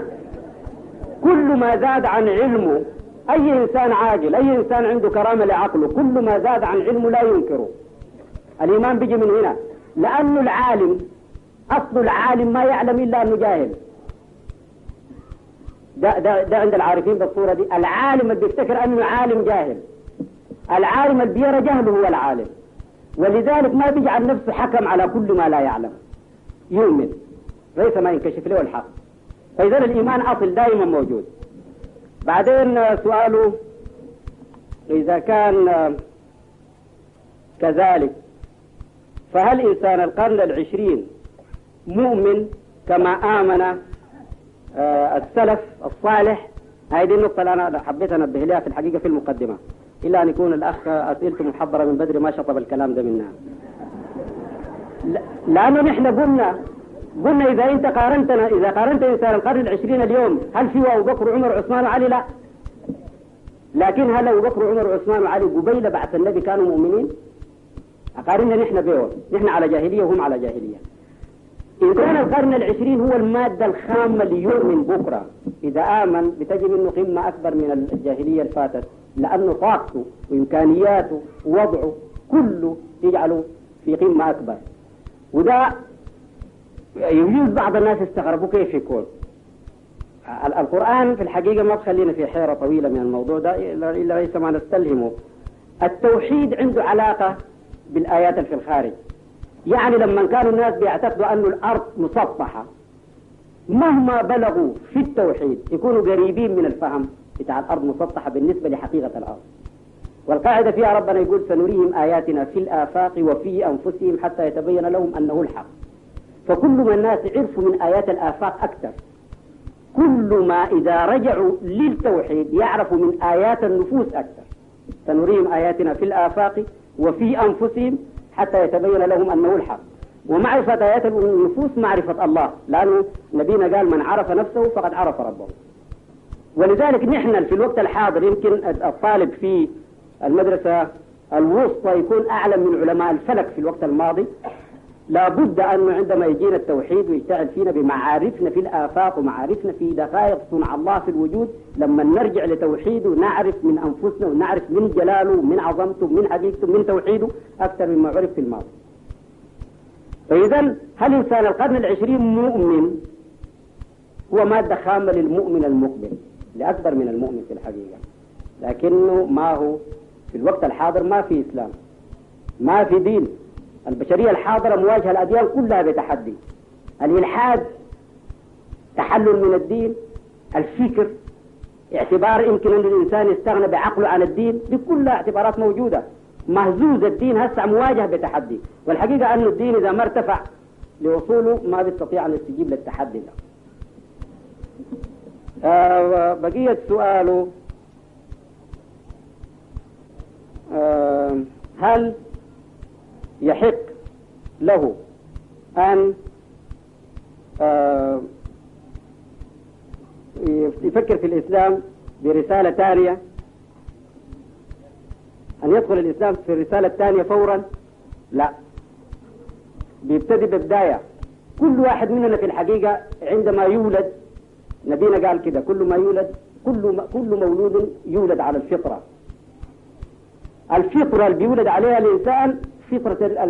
الطفولة السليمة الصدر النقية الصفحة الطفل عقله وقلبه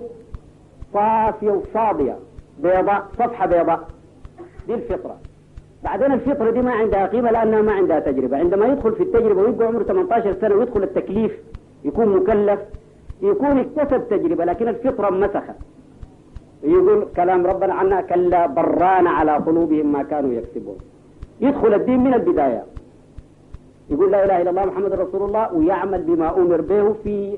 تقليد النبي ليدخل في مراقي من الإسلام الأولاني إلى الإيمان إلى إلى المراقي لغاية ما يجي للإسلام الأخير فكل مبتدئ بيبتدي بالبداية لكن الإنسان الحاضر عنده طاقة يقطع بها الآفاق الروحية زي طاقته اللي بيقطع بها الآفاق الحسية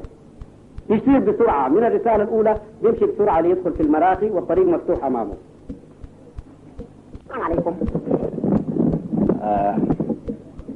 اولا عاوز اعلق تعليق بسيط على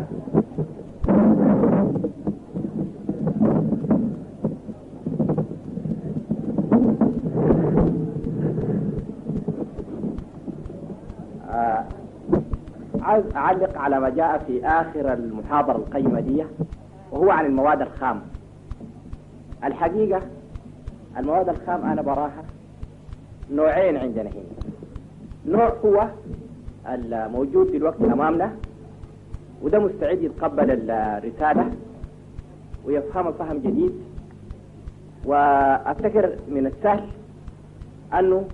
آه، يفهم الموضوع فهم كويس ويؤمن إيمان صحيح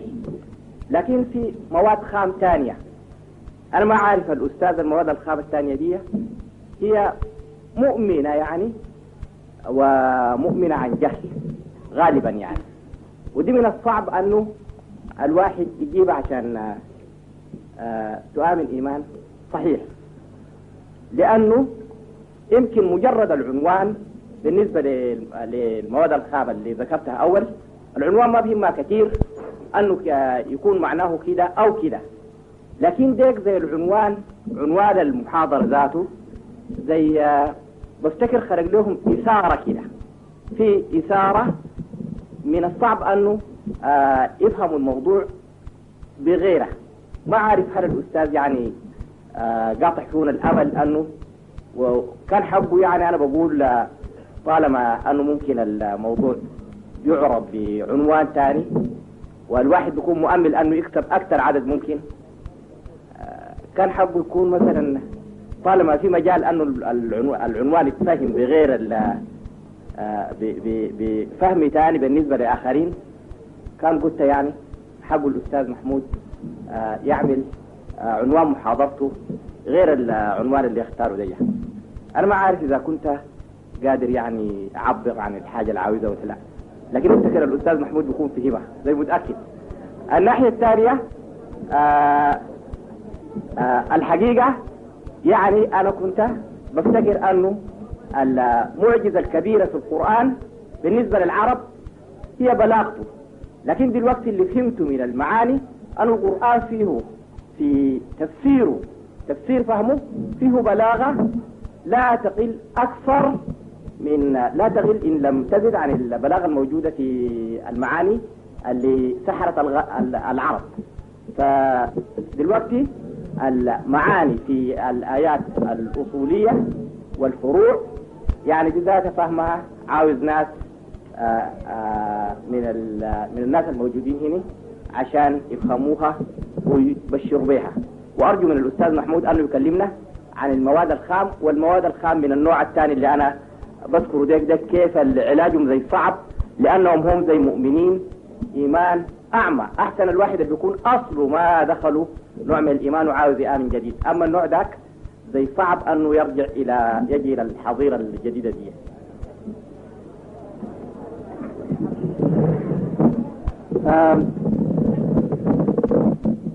ما في ما في شيء من المادة الخامة نحن مستغنين منه أو يأسين منه لكن في بعض الناس بيجي قبل بعضهم ونحن في تجربتنا أنه أي إنسان عنده التزام سابق كان يكون مثلا عنده شهادة علمية أو يكون عنده انتماء لتنظيم آه بيكون الالتزام بيمنعه من أن يدرك المسائل بسرعة ونحن بنعتقد أنه كثير من آه، من إخواننا ضحايا لمفاهيم خطأ وتعليم خطأ وأعتقد أنه بشيء من سعة آه، الصدف ومن المواجهة من الصدق ومن العطف فعلا عليهم أعتقد بيتحولوا لكن الناس اللي بيجوا قبلهم هم الناس اللي ما عندهم التزام وأذهانهم فاتحة وقلوبهم نقية في ناس في في الشعب يمكن أن أن آه، ما تنتظر منا هنا أن يقولوا كل الكلام اللي قلناه ويرددوه لكن في الحقيقة بيشعروا بسطوة في الكلام تأثر في قلوبهم يؤمنوا قبل ما يفهموا وكل دعوات الفكر الكبير كانوا من عامة الناس القلوب مفتوحة واللي قاوموها هم الذين ظنوا أنه إذا كان في شيء جديد يجي يجي منهم هم لأنهم هم درسوا لأنهم هم فهموا هذول بقاوموا في بعض الوقت آه العبارة في أنه هل المحاضرة دي عنوانها مثير وكان نحن ممكن أن نتجنب الإثارة الإشارة ما غرضنا في الحقيقة إلا في مدى أنه يلفت انتباه الناس في معنى أنه في شيء جديد الإثارة ما بتضر بحاجة هو الحقيقة اللي بيستثار في المسألة دي ذاته بيحتاج أن ينبه إلى أنه هو ما أغير على الإسلام من الناس الآخرين دي ذاته بتفيده اعتبارك انت في في نقطه بلاغه القران انا سعيد جدا بانك انت جبتها هي في الحقيقه بلاغه القران علميه وانا اكد لكم ان الانسان القران مقصود به انسان القرن العشرين في المكان الاول بالاصاله ونزل للانسان القرن السابع بالنيابه ونحن قلنا نحن قلنا انه في في رساله الصلاه قلنا ما فض ما فض الأوائل من القرآن غير ختم الغلاف وختم الغلاف ده المعنى اللي بيعطوه اللغة العربية وانت هسه لما تقرا التفسير في اي محل بتلقى التفسير دائم على معاني اللغة العربية القرآن علم أودع في اللغة العربية قوالب التعبير هي العربي لكن ثبت فيها العلوم اللي هي معرفة الله بعدين العلم في الحقيقة تضيد عنه اللغة ولذلك القرآن ادعى في الرفعة لغاية ما يجي يقول ألف لام ميم كأنما هو إشارات وأصوات وفي الحقيقة هو علم ومن أرفع العلوم اللي هو علم النفس أن نحن كل ما نعمله من اختراع الآلة ومن ابتغاء الآلة لنمشي في الآفاق ولنمشي للقمر نحن ما شاعرين في الحقيقة بنبحث عن شنو نحن بنبحث عن أنفسنا دي هي أعز حاجة عندنا فالبحث ده كله لما نشعر بحقيقته نلقاه أنه بحث على النفس أنا وإنت عايزين نصل لأنفسنا نعرفها نكون في سلام معها وده يهدينا فيه القرآن ودي حقيقة بلاغة القرآن وحقيقة قيمة القرآن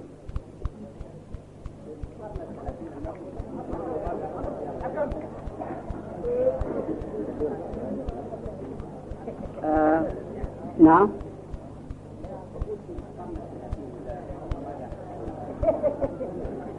السؤال آه،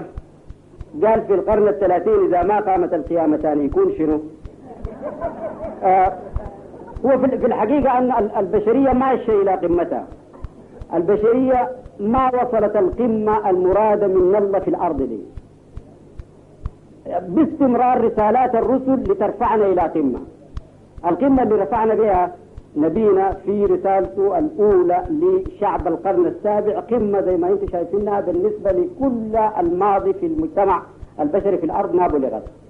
ثم بدت الخط البياني بتاعه ينزل لغاية ما نحن بقينا في القاع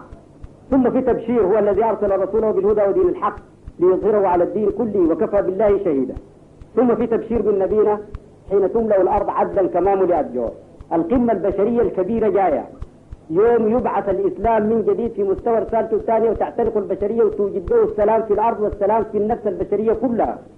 بعد ذاك الخط البياني ما بينزل بسرعة لأنه بذلك الناس دخلوا بنوع من الإكراه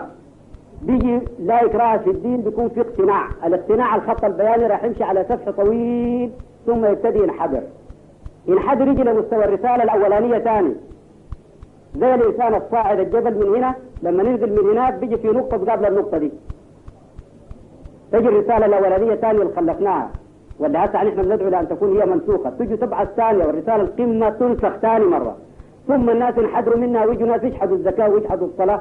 وتنحدر الحكاية لغاية ما يرفع القرآن ولغاية ما لا تقوم الساعة إلا على لقع ابن لقع زي ما قال ابن حرام ابن حرام ابن حرام في المدى البعيد لا شك أنه ما حقدر آه، أعلق التعليق آه، الوافي عن هذه المحاضرة الغيمة لكن آه، بدي أسأل سؤال عن آه، الشروط والأسس التي يكفر بها المرء أو المسلم لأنه شايف في أحكام ودمغات غير الأحكام أو المحاكم الرسمية في أحكام ثانية يعني بدمغوا بها الناس أنه ملحد أو كافر في اعتقادي أنه الإسلام و كما جاء في المحاضرة غيمة أنه بيحترم عقل الإنسان وبيحترم تفكيره وبدون شك أداه حرية في مجالات عديدة جدا ولذلك أرجو من الأستاذ أنه يوضح لنا الأسس التي يكفر بها آه، المسلم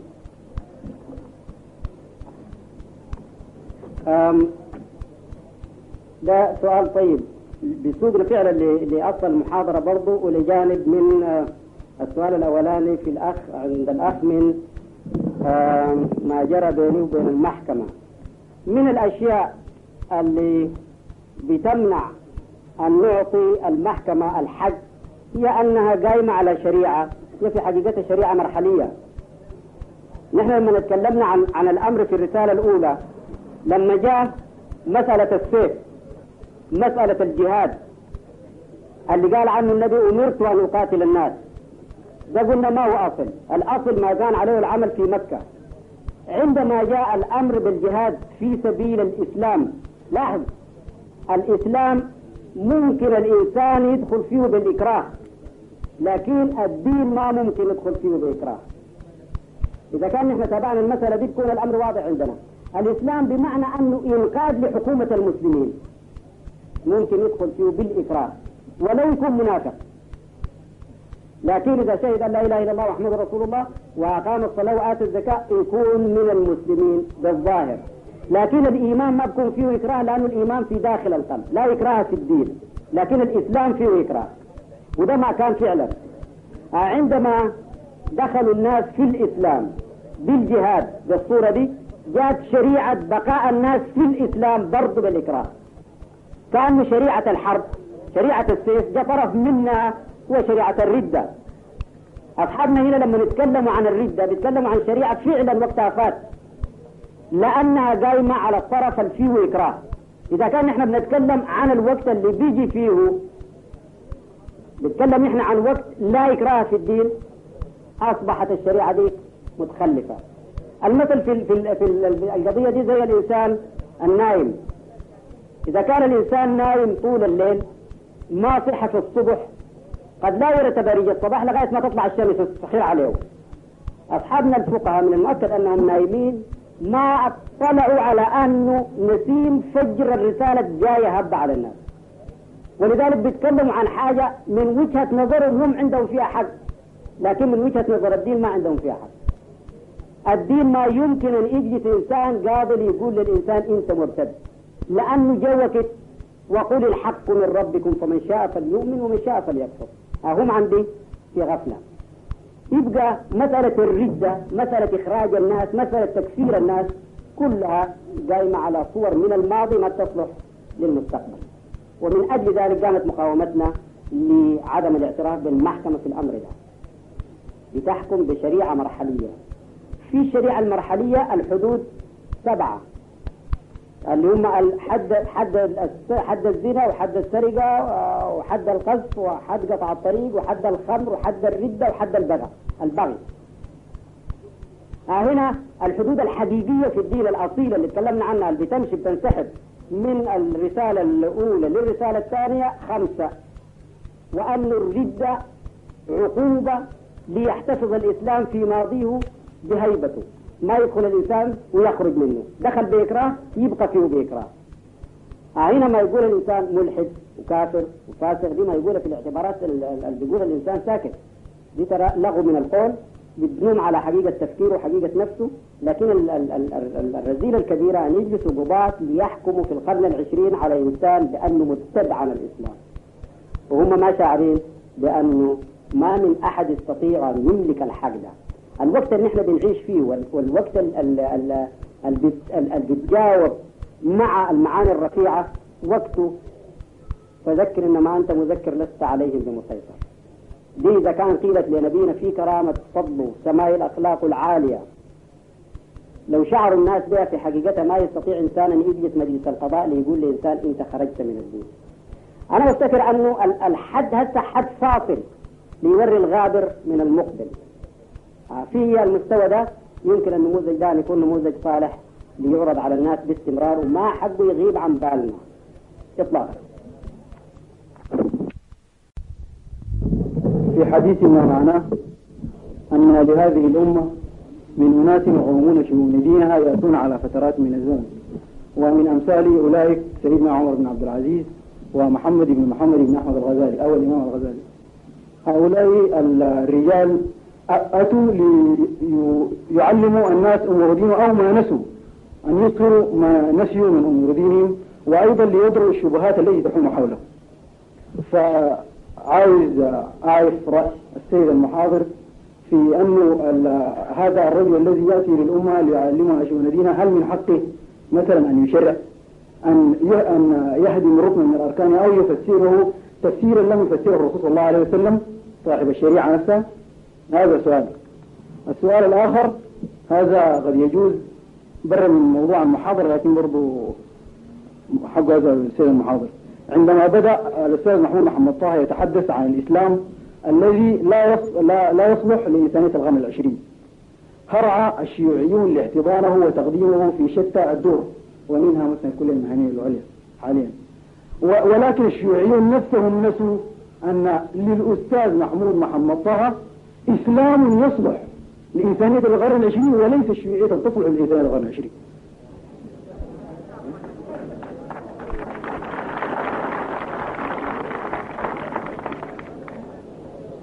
فسؤالي في هذا الصدد ما هو موقف الإسلام الجديد الذي يصلح لإنسانية القرن العشرين من الشيوعية وشكرا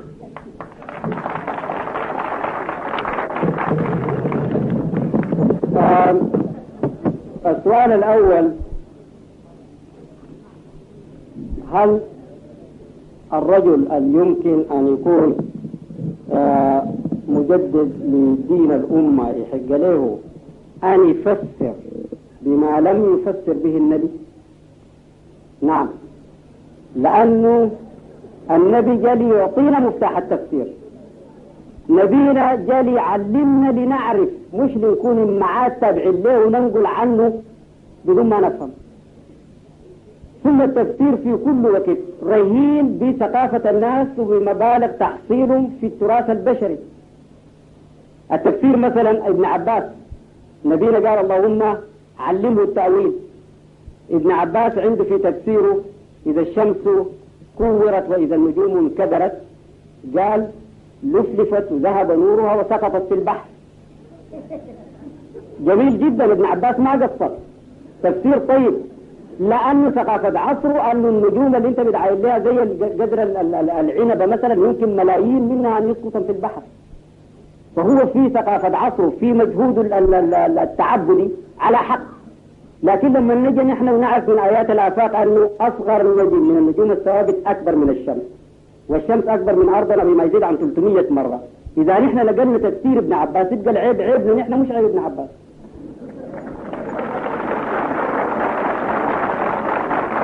ثم النبي أرسل ليكون مفتاح للفهم ربنا قال له وأنزلنا إليك الذكرى لتبين للناس ما نزل إليهم قال ولعلهم يتفكرون وهو قال إنما أنا قاتل والله يعطي ومن يرد به الله خيرا يفقهه في الدين هو اداك الشريعة اداك مفتاح القرآن اعمل بها تتفتح عليك المعاني تتكلم عن الله من كتابه يبقى من حقك وانت اذا كان ما جبت تفسير جديد احسن ما تجي للناس لانك راح تجيهم بشنو؟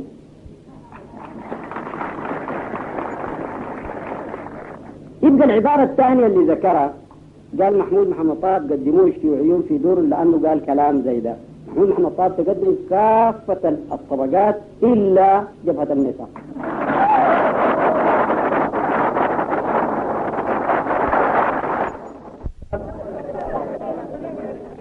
ذكرت الحقيقة العبارة دي ذكرت في في في, في جريدة الميثاق بنفس الكلام اللي قاله السيد قال لكن هل علم قال قال هل العالم علم الشيوعيون أنه محمود محمد طه عنده إسلام جديد بيصلح لإنسانية القرن العشرين ومش الشيوعية كأنه في محاولة للدس أنا آه، يعني في الحقيقة كلام اللي بقوله ده ما نمداجي فيه الشيوعيين ولا نمعادي فيه الإخوان إطلاقا أنا ما عندي أعداء أنا ملازم الحق البيرة بيرى أن الإنسان مع حق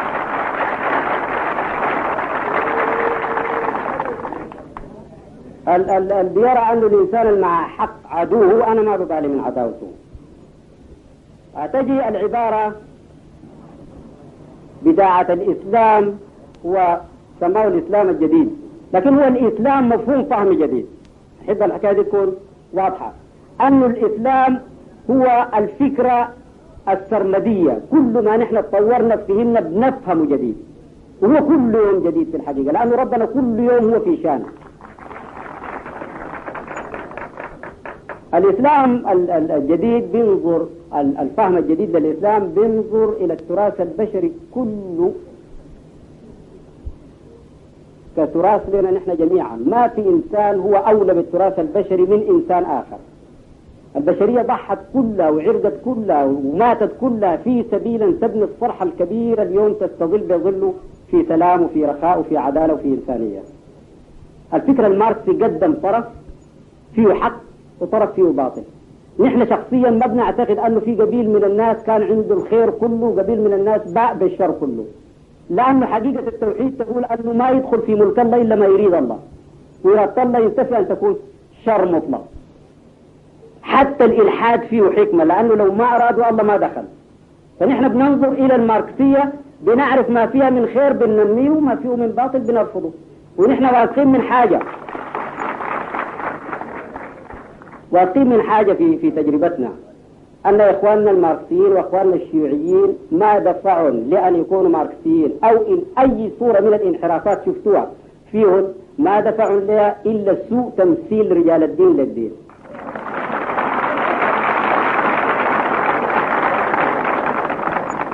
ونحن واثقون من حاجة هي أنه عندما يبين الحق في الدين لخدمة الإنسان المسكين الذي هم على خدمته حريصون سيكونون أول من يلبي داعي هذا الدين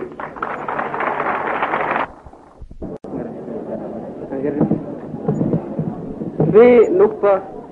في الحديث بتاع الأستاذ محمود النهار ده طيب في نقطة وردت في حديث الأستاذ محمود في الندوة النهاردة عن موضوع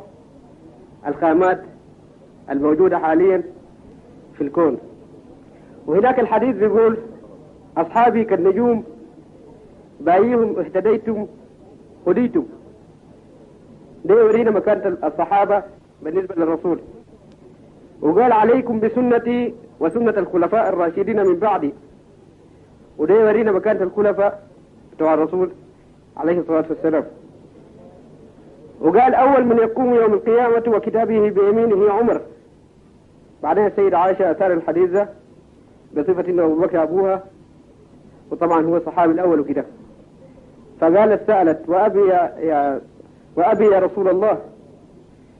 فقال لها أباك أبشري يا عائشة أباك زفته الملائكة فالكلام ده بيتعارض مع قول الأستاذ لأننا يمكن أن نكون أحسن من الصحابة السبقونا في المجال الديني ونكون أحسن من التابعين وتابع التابعين فهذا الأستاذ بين النقط النقاط دي مع الشكر طيب من ال من الوهلة الأولى نحب أن نكون واضح أن الكلام ده لا يمكن أن يكون فيه مسيس بمكانة الأصحاب أو تقليل منهم لا يمكن أن يكون إطلاقا لكن إكرام الصحابة ومعرفة مكان الشيء وتحديد عطاء الله فيما يقبل من قمم البشرية شيء آخر الأصحاب في قمة من قمم سير الفكرة البشرية لأمام لكن ليست القمة النهائية زي ما يظن الناس في ناس كثيرين افتكروا أن الإسلام عهد الذهبي مضى وأنه أي عمل ثاني في يعني أنه تجي قمم أكبر من ذلك خطأ وده نهاية السوء في الفهم الحقيقة أن القمم المقبلة هي القمم اللي كلمتكم عنها حديثا الذي فيها واتوا قالوا لإخواني الذين لما يأتوا بعد يقول لا ولسنا إخوانا قال بل أنتم أصحابي فالأصحاب أصبح أصحاب تبعية الأصحاب دون مستواه كأنه لأنه زي ما قلت لكم هو كأنه ما جاء من القرن العشرين رجع للقرن السابع فهم حقت له الصحبة لكن الإخوان أنا أفتكر الكلمة بتحمل معناها الإخوان هو فسرها في محل ثاني قال الأنبياء أبناء أم واحدة قال الأنبياء أبناء أم واحدة التشبيه فيها أنهم الأنبياء بيرضعوا من ثدي واحد هو ثدي لا إله إلا الله زي ما الإخوان بيرضعوا من ثدي الأمة الواحدة كأنه قال الأنبياء إخوان وفي حديث آخر عن الأمة المقبلة قال كأنهم أنبياء وليسوا بأنبياء كأنهم أنبياء في معارفهم بالله لأنهم بيتصلوا بالله بياخذوا من الله بلا واسطة زي ما ياخذوا الأنبياء ثم ليسوا بأنبياء لأن الملك ما بيتصل بهم يوحي بهم فالحديث اللي قالوا هنا اصحابك النجوم بأيهم اقتديتم اهتديتم ده لأمته الأمة المسلمة ما فيها أفضل من أبو بكر ثم عمر ثم عثمان ثم علي بالصورة دي وكل واحد تقتدي به مهتدي لأنه هو على قدم النبي مش لأنه عنده سنة براوه نحن عندنا مثلا القرآن يقول من يطع الرسول فقد أطاع الله ليه؟ هل طاعة البشر هي طاعة الله؟ لأن الرسول على على قدم ربنا على عبودية على تبعية على رضا فكأنه ما بيعكس لنا المعاني الإلهية فعندما نطيعه كأننا بنطيع الله كذلك عن الأنبياء عن الأصحاب الأصحاب ماشيين في أثره فهم كالنجوم لأيهم اهتديتم اهتديتم متمسكين بالصورة دي والكلام ده يقال لأصحابه بعدين أنت أوردت الحديث أول من يقول ويعطى كتابه يمينه أصحاب اليمين آه، عمر اللي هو تالي الثلاثة صاحب يمين أبو بكر أكبر منه قال لها هي هيهات فإن أباك قد زفته الملائكة أكبر من عمر هذا دليل على أنه إذا كان عمر اللي هو تالي الثلاثة من أصحاب اليمين وأصحاب اليمين في ناس أكبر منهم كثير اللي هم المقربين حتى يقول حسنات الأبرار سيئات المقربين الأبرار أكبر من أصحاب اليمين وحسنات الأبرار سيئات المقربين ما يعملوه الأبرار وهم فرحانين به ولو عملوه المقربين افتكروا أنهم ارتدوا ونزلوا والقاعدة أنه فوق كل ذي علم عليم لا أن يجعل الغيوب الله فالطريق مفتوح العطى الإلهي ما بيحد ومن القاعدة التوحيدية يقولوا القناعة من الله حرمان إذا أنت قلت اللهم اجعلني زي أبو بكر الصديق البعيد محروم من الله لأنه عند الله ما هو أكبر من أبو بكر الصديق هذا محمود في بداية حديثي أن البشرية اليوم في آه، في حيرة من أمرها أي تفتقد إلى فكرة معينة تسير عليها وبكل أمانة وإن لم أكن من المتشائمين فإني متفائل خيرا آه، وإن لم نخرج بكل هذه البشرية بفكرة معينة لإرضاء الله عز وجل فإننا إن شاء الله كأفراد سنخرج طالما هنالك فكرة معينة نلتزم بها ففي شيء معين الواحد يعني يجب أن يقيس نحو وصفة بسيطة نرى الفلاسفة الإسلاميين اليوم أو معظمهم وحتى اللحظة الآن يعني أسهبوا في مجال الكليات أي مجال الفروع وتركوا الجزئيات مثلا في أركان الإسلام فأي ركن من أركان الإسلام أصبح الغبار كثير أي كثيفا وأبعد بين الجزئيات وبين الكليات فبكل أمانة هذه يعني الواحد آه، يجب أن يقول هذا شيء خطر في المقام الأول لأنه الكليات هي مثلا كانت الصلاة الصلاة ذاتها والحج والزكاة وكذلك شهادة أن لا إله إلا الله فهذه هذه هذه أركان فالجزئيات مثلا في الصلاة مثلا يقول لك الرعاف ومشاكل ذلك مشاكل كثيرة أسهبوا فيها الناس فأبعدوا ابعدوا الناس أي الفلاسفة أبعدوا في الموضوع ده بالذات واحد يقول يعني في إسهاب الموضوع ده فكذلك الحكاية دي لها أثر بليغ جدا في إحياء التراث الإسلامي أي في إحياء النهج الإسلامي فإيه هو وجهه نظر الأستاذ محمود في الجانب ده بالذات بما فيه مثل هم بالذات فكرتهم فكرة فكرة الجمهوريين لها نهج واضح في الموضوع ده بالذات يعني أرجو أن أوضح لنا في الناحية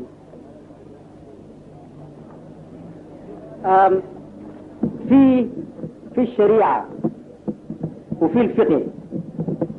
الشريعة كانت في بساطة شديدة على عهد النبي بعدين عندما جاءت الفتوح الإسلامية وكثرة كثرة الأمم دخلت في الدين وكثرة الخيرات واتسعت الدنيا نشأ الفقه اللي هو توليد على الشريعة قياس وإجماع الفقه ده اتراكم كثير جدا حتى أبعد الناس من المعين فعلا بعدين جاء الفقهاء اللي اتخذوه صنعة و اتخاذ الفقه صنعة فعلا ضر كثير جدا لأنك أنت صنعتك بتحب أن تحميها بنوع من التقعيد نوع من التعقيد حتى تكون أنت مرتاحة دي حاجة طبيعية عند كل كل إنسان ما دام هي مهنتك بتحب أن تخليها فيها جانب اختصاص إذا أنا ما سألتك ما أقدر ألقاها وده في المسيحية كانت كبيرة خالص خالص حتى في المسيحية لو تتذكروا قبل ثورة مارتن لوثر كان الإنجيل محرم على الرجل العادي الأناجيل محصورة وموضوعة في مواضعها والرجل العادي لا يطلع عليها لئلا يستغنى عن القسيس ولما انت تجي تسأله من دينك وتسأله من المسائل بطبيعة الحال بتقدم الجائزة الواجبة فهنا الشريعة مشت في الاتجاه ده لأنه نحن موعودين أن نصير نفس السيرة بتاعت المسيحيين واليهود قال ارتدعون سنن من كان قبلكم شبرا بشبر وذراعا بذراع حتى لو دخلوا جحر ضب الخرب لدخلتموه قالوا اليهود والنصارى قال فمن آه، نحن الفقه جاء ادانا صورة من المسألة دي لما جاء الفقهاء اللي بيعيشوا على التخصص فيه وتدريسه واتخذوه مهنة عقدوه بصورة فعلا أبعد من عيد الدين فجاءت العبارات بتاعت مثلا فرائض الوضوء سنن الوضوء مستحبات الوضوء ما كانت بالصورة دي النبي كان يقول للناس صلوا كما رأيتموني وصلي يتوضوا كما رأيتموني أتوضا يجيه الأعرابي ينيخ الراحلة بتاعه وربع ساعة يعرف كيف يتوضا ويعرف كيف يصلي لأنه يوريه البيان بالعمل دي الشريعة لكن المسائل اللي اتعقد الثاني فعلا اترسبت وكثرت وبقينا نقرا كثير جدا وما عندنا زمن لنعمل انا وياك مثلا نمشي للازهر او نمشي للمعهد العلمي بنقرا من الساعه 8 لغايه الساعه 2 جايز بعدين بعد ما نرتاح تكون عندنا مذاكره لانه درس بكره لازم نذاكره ما بنشتغل بالصلاه ما بنصلي بالليل زي ما كانوا الاصحاب زمان الاعراب البسيط ده كان يعرف الصلاه ويعرف الوضوء يمشي يتوضا ويصلي تنقدح النور في ينقدح النور في عقله في قلبه يكون عارف ونبينا ببساطة شديدة قال من عمل بما علم أورثه علم الله علم ما لم يعلم من عمل بما علم ما علم هو الشريعة البسيطة اللي ما بيصح العمل إلا بها يتوضأ يعرف كيف يتوضأ ويتوضأ شرط حتى كانوا إذا كان الإنسان ما بقوم الليل ما بعلموه كانوا من السلف الصالح واحد عنده تلميذ وبيتعلم عنده بعدين راقبه مرتين ما بقوم الليل طردوا قال لي انت تعليمك ده تعليم شيطان انت عايز تتعلم تبقى شيطان لأن التعليم ما معه علم علم شيطنة هذا الفقه اللي نحن عليه هسه وفعلا أبعدنا من المعين خالص خالص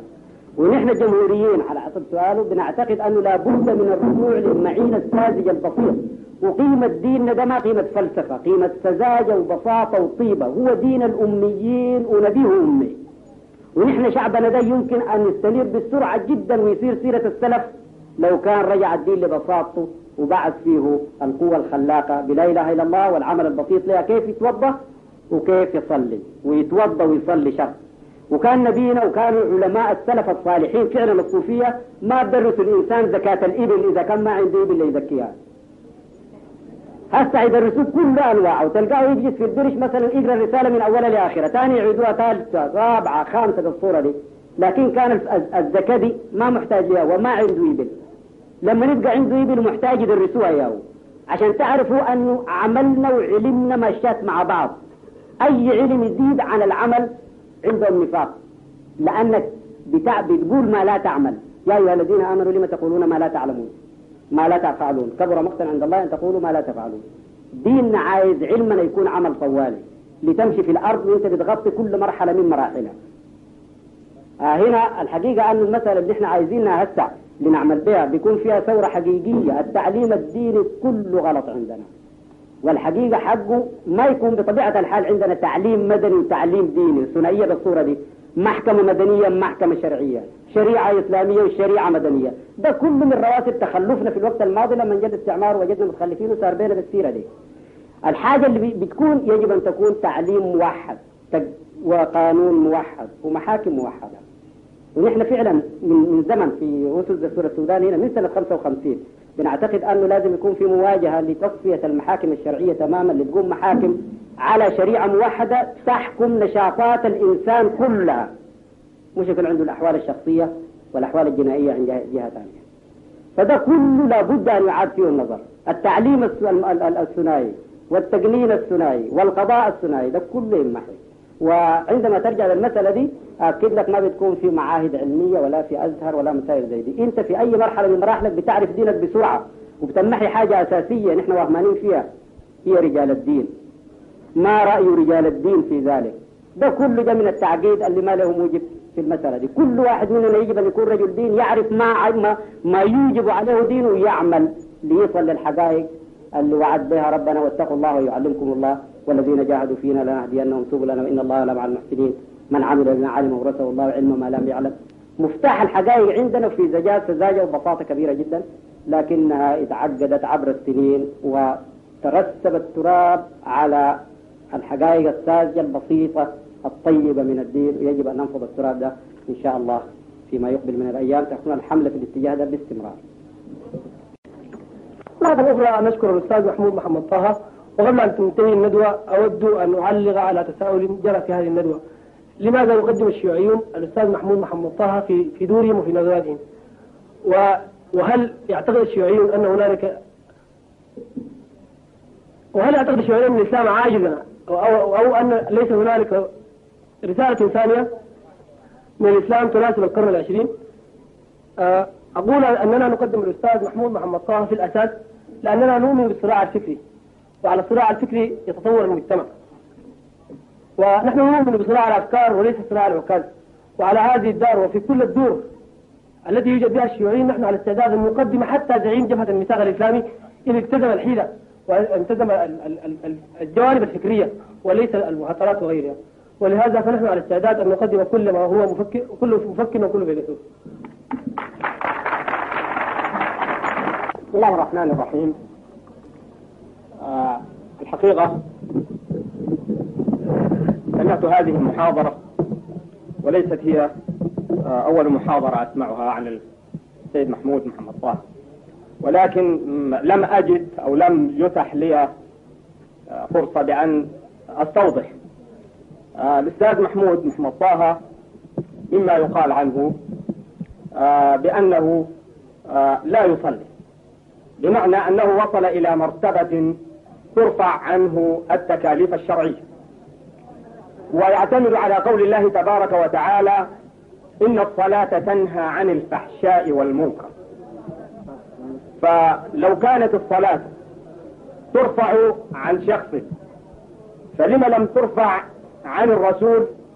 وإذا كان الرد بأن الرسول يوحى إليه وهو ليس بنبي فلما لم يرفع عن أبي بكر الذي قال عنه الرسول لو كان بعدي نبيا لكان أبو بكر هذا سؤال السؤال الآخر ذكر الأستاذ محمود بأن الزكاة بتشريعها السابق برسالة الإسلام الأولى لو وجد الرسول في زماننا هذا لما طبق نظام الزكاة السابق والقرآن فيه آية تبين لنا بأن الكتاب حوى كل شيء يقول الله تبارك وتعالى ما فرطنا في الكتاب من شيء أريد الرد على ذلك شيء آخر الرسول صلى الله عليه آه، الآية القرآنية التي يقول بعض المفسرين بأنها آخر ما نزل اليوم أكملت لكم دينا ورضيت لكم الإسلام دينا أو أتممت عليكم نعمتي ورضيت لكم آه الإسلام دينا فكلمة أكملت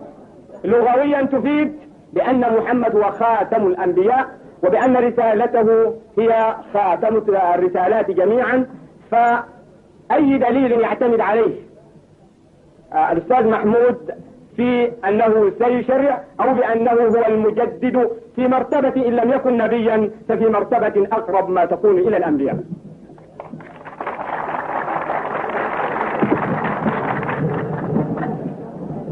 آه السيد بيقول انه محمود محمد طه بيقول انه الصلاه رفعت عنه على اعتبار الايه ان الصلاه تنهى عن الفحشاء والمنكر والكلام ده انا كثيرا ما سئلت عنه وكثيرا ما نفيته هسه قبل يومين آه، مجلة الحياة نشر الموضوع ده بتوسع فيه ثم فيه كتاب له خمس سنين إذا كان الأخ مهتم بالمسألة دي كان حقه يهتم لمجرد أنه الإسلام يمنع الناس من أن يقعوا في أعراض المسلمين بدون ما يستوسعوا يا أيها الذين آمنوا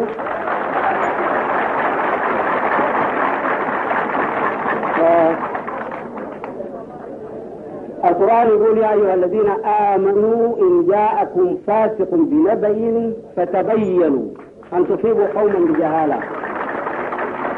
و ما ورد في مجلة الحياة قبل يومين وما ورد في رسالة الصلاة أنه مع أنه الصلاة بتنهى عن الفحشاء والمنكر لكن ليس هذا هو حكمة مشروعيتها حكمة مشروعيتها أكبر من النهي عن الفحشاء والمنكر لأنه كثير من الناس ينتهوا عن الفحشاء والمنكر ثم يظل عمل الصلاة قائم لأنه عمل الصلاة أن تجعل في صلة بيننا وبين الله الإنسان في سيره يرتفع يقرب لله ينخفض يقرب لحيوانيته ونزواته يحتاج للصلاة اللي ترفعه مرة ثانية ولذلك نبينا قال الصلاة صلة بين العبد وربه ولن ينفك الإنسان تستولي عليه الغفلة من وقت لآخر باستمرار ولذلك هو محتاج للصلاة أبدا لا تنقطع الصلاة بالمرة والقاعدة فيها في القرآن إليه يصعد الكلم الطيب لا إله إلا الله والعمل الصالح يرفعه الصلاة فمن أجل ذلك الصلاة لا تنقطع ولا ترفع الإنسان بالمرة لكن الأمر اللي بيرفع هو التقليد نحن مدعوون لأن نقلد النبي في صلاته نبينا قال صلوا كما رأيتموني أصلي نبينا أصيل في صلاته نحن مقلدين له بالتبعية نحن ماشيين وراه أي إنسان عنده مسكة بالفكر يعرف أنه الأصيل أكمل من المقلد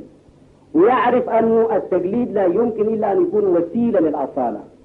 في حياتنا والمعاشة البديهية عندنا لا يمكن أن يكون الإنسان الكامل هو الإنسان اللي بيقلد باستمرار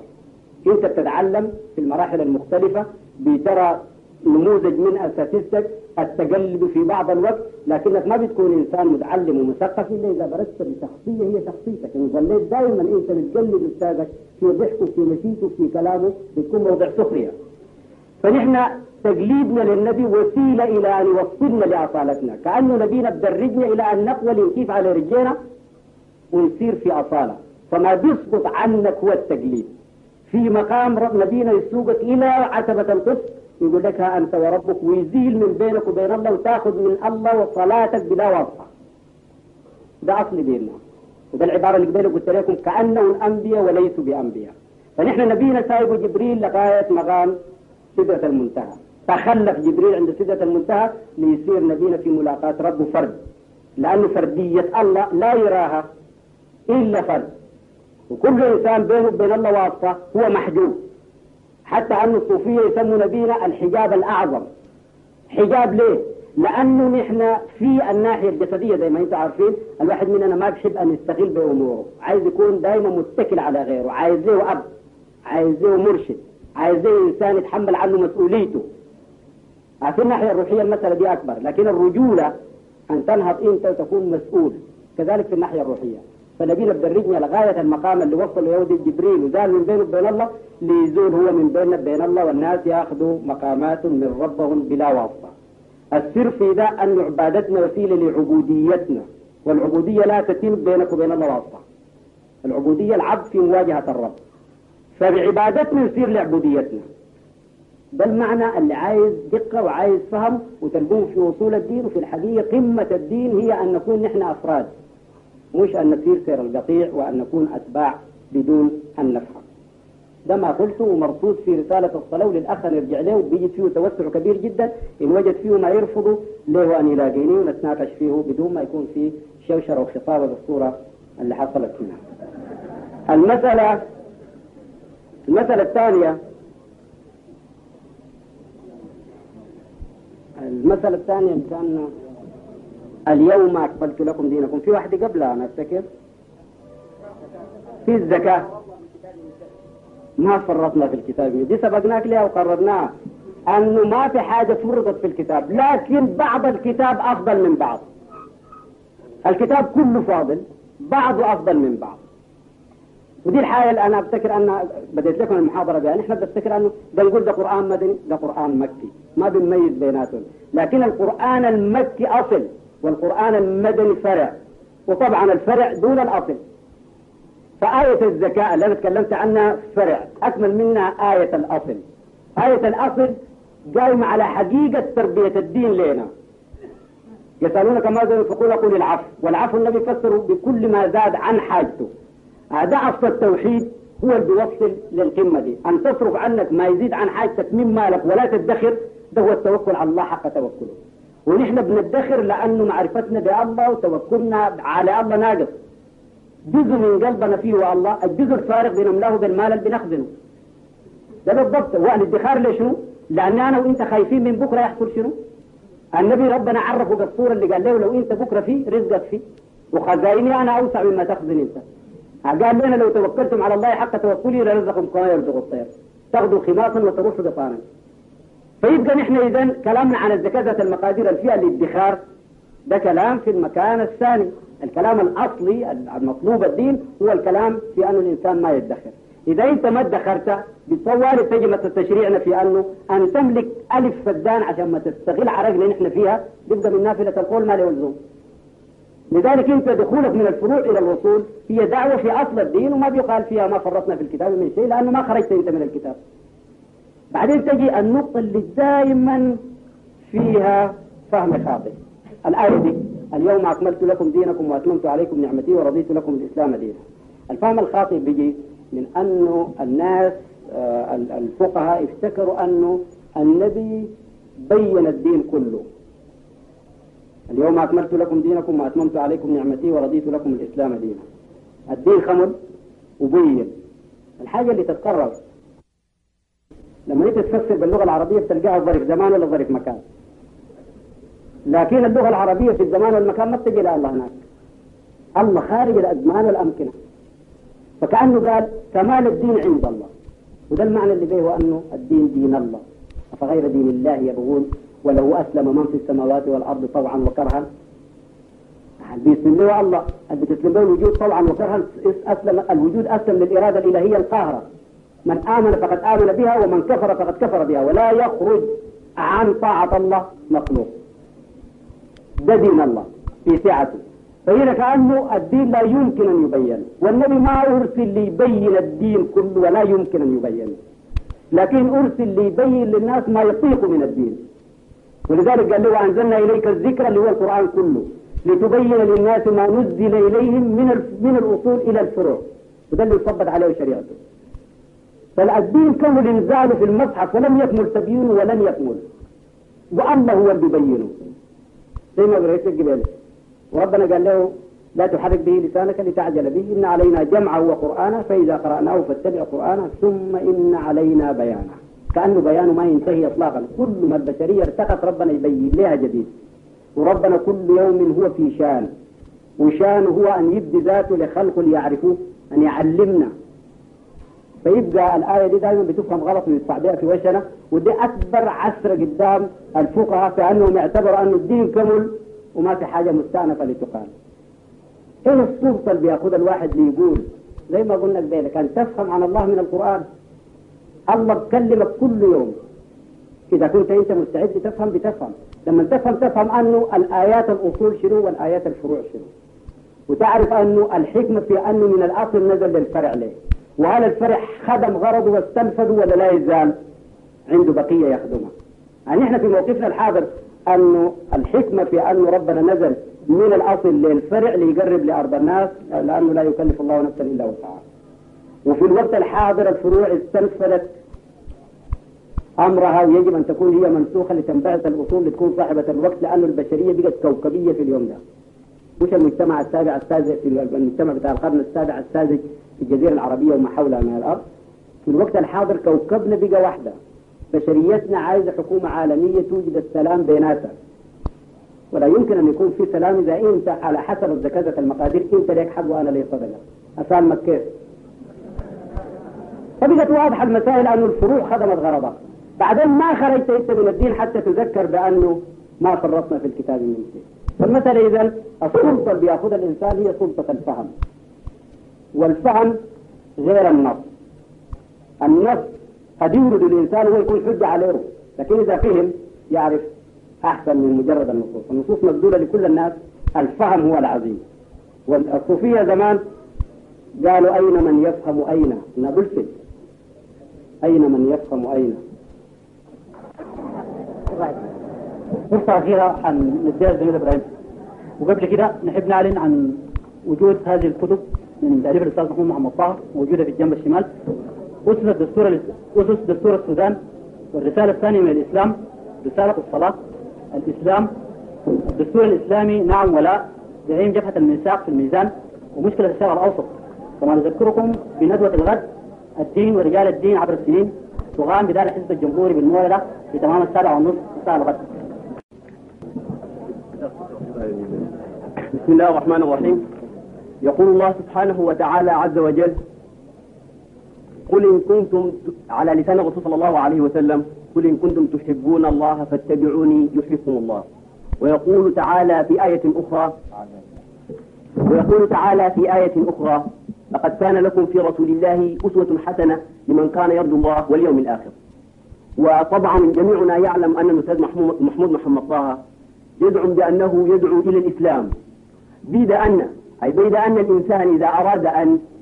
يدعو إلى الإسلام لابد أن يقتدي أي ملزوما بأن يقتدي برسول الله صلى الله عليه وسلم لأنه هو الذي أنزل إليه القرآن ليبين للناس هذا ما في ما في ما في كتاب الله سبحانه وتعالى عز وجل. وإذا بمحمود محمد طه الذي يدعي بأنه يدعو للإسلام لا يقتدي برسول الله صلى الله عليه وسلم والدليل بذلك أنه في محاضرة عن الصلاة في مدني أذكر هذا جيدا أنه قال وعندما ضبط بأنه لا يصلي قال إنني أصلي ولكن صلاتي ليست ذات الحركات بالسجود والركوع وما أشبه ذلك وعلينا نحن أن نقتدي برسول الله صلى الله عليه وسلم في جميع أعماله لأنه قدوتنا فإذا محمود محمد طه طيب. فإذا كان فإذا كان محمود محمد طه يزعم بأنه وصل درجة لا يصلي صلاة ذات الحركات ولو أن هذا الحديث يعني, يعني ما ما صريح إذا كان وصل هذه الدرجة معنى هذا أنه وصل قمة كاد أن يكون في مستوى رسول الله صلى الله عليه وسلم لأنه لا يتبع رسول الله صلى الله عليه وسلم وصل منتهى الكمال والكمال لله سبحانه وتعالى عز وجل ففي محاضرته هذه وهذا هو سؤال بعيني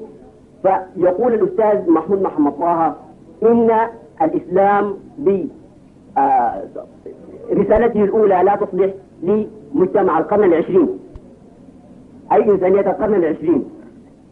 فإذا به يحلل ويصل إلى أن إذا بعث رسول الله صلى الله عليه وسلم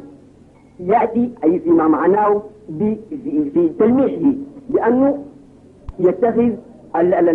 الاشتراكية منهجا له ونحن نعلم أن ما في الإسلام الكفاية وذلك بالآية الصريحة التي تقول يسألونك ماذا ينفقون قل العفو والعفو هو كل ما فاض عن حوجة الإنسان إذا الإسلام برسالته يصلح لهذا لهذا القرن والاشتراكية التي تزعم ويزعم ويتزعمه الشيوعيون بالقيادة الإسلام أتى به قبل كذا من السنين من السنين فما ما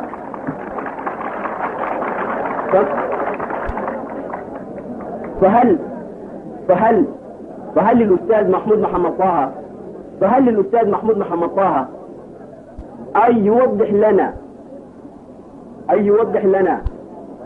هذه الرسالة الجديدة هذه الرسالة الجديدة هل هي متفقة مع الشيوعية أي الاشتراكية العلمية الوضع الحالي هل هذا هو ما يفهمه عن الإسلام وهذا هو السؤال وأما الأسئلة الأخرى فنسبة لضيق الوقت ندعها لوقت آخر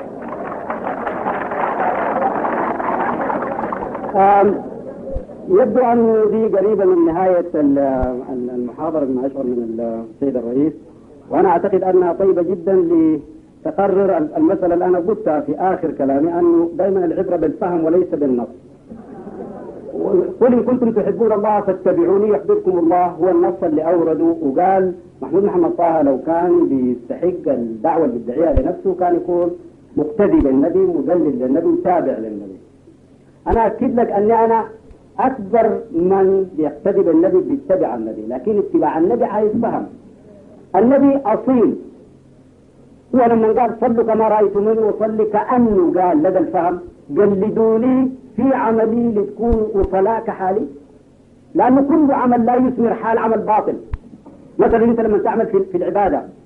تقول باللسان وتعمل بالجوارح إذا كان العبادة دي ما وقت العمل في قلبك اسم الإيمان إذا ما في قيمة عندهم كل عمل لازم يثمر حال العمل عندهم زي الشجرة الشجرة إما تثمر شوك إما تكون شجرة شوك أو تكون شجرة فاكهة فبعض الناس عبادتهم تثمر فاكهة بعضهم عبادته تثمر شوق والعبارة عبارة يحيى سيدنا يحيى قال كل شجرة لا تؤتي بثمر تقطع وتطلع في النار كأنه كل عبادة لا تثمر حال باطلة فنبينا لما قال صلوا كما رأيتموني أصلي تولا قال قلدوني في عملي قلدوني في حالي بيد أن في الحال ما في تجليد لأنه حالة أصالة فأنا جلدت في عمله وبجلد في أصالته في الوقت الحاضر إن صح في الأصالة تجليد ولذلك أنا قمة من بتبعه في الوقت الحاضر وأنا من بدعو لسنته الناس كلهم على طرق ما في واحد في السلف كله قال لك حاجة يسمى طريق محمد ودعا الناس أن يسلكوا الطرق ويجد طريقة الطرق إلا الحزب الجمهوري يعني.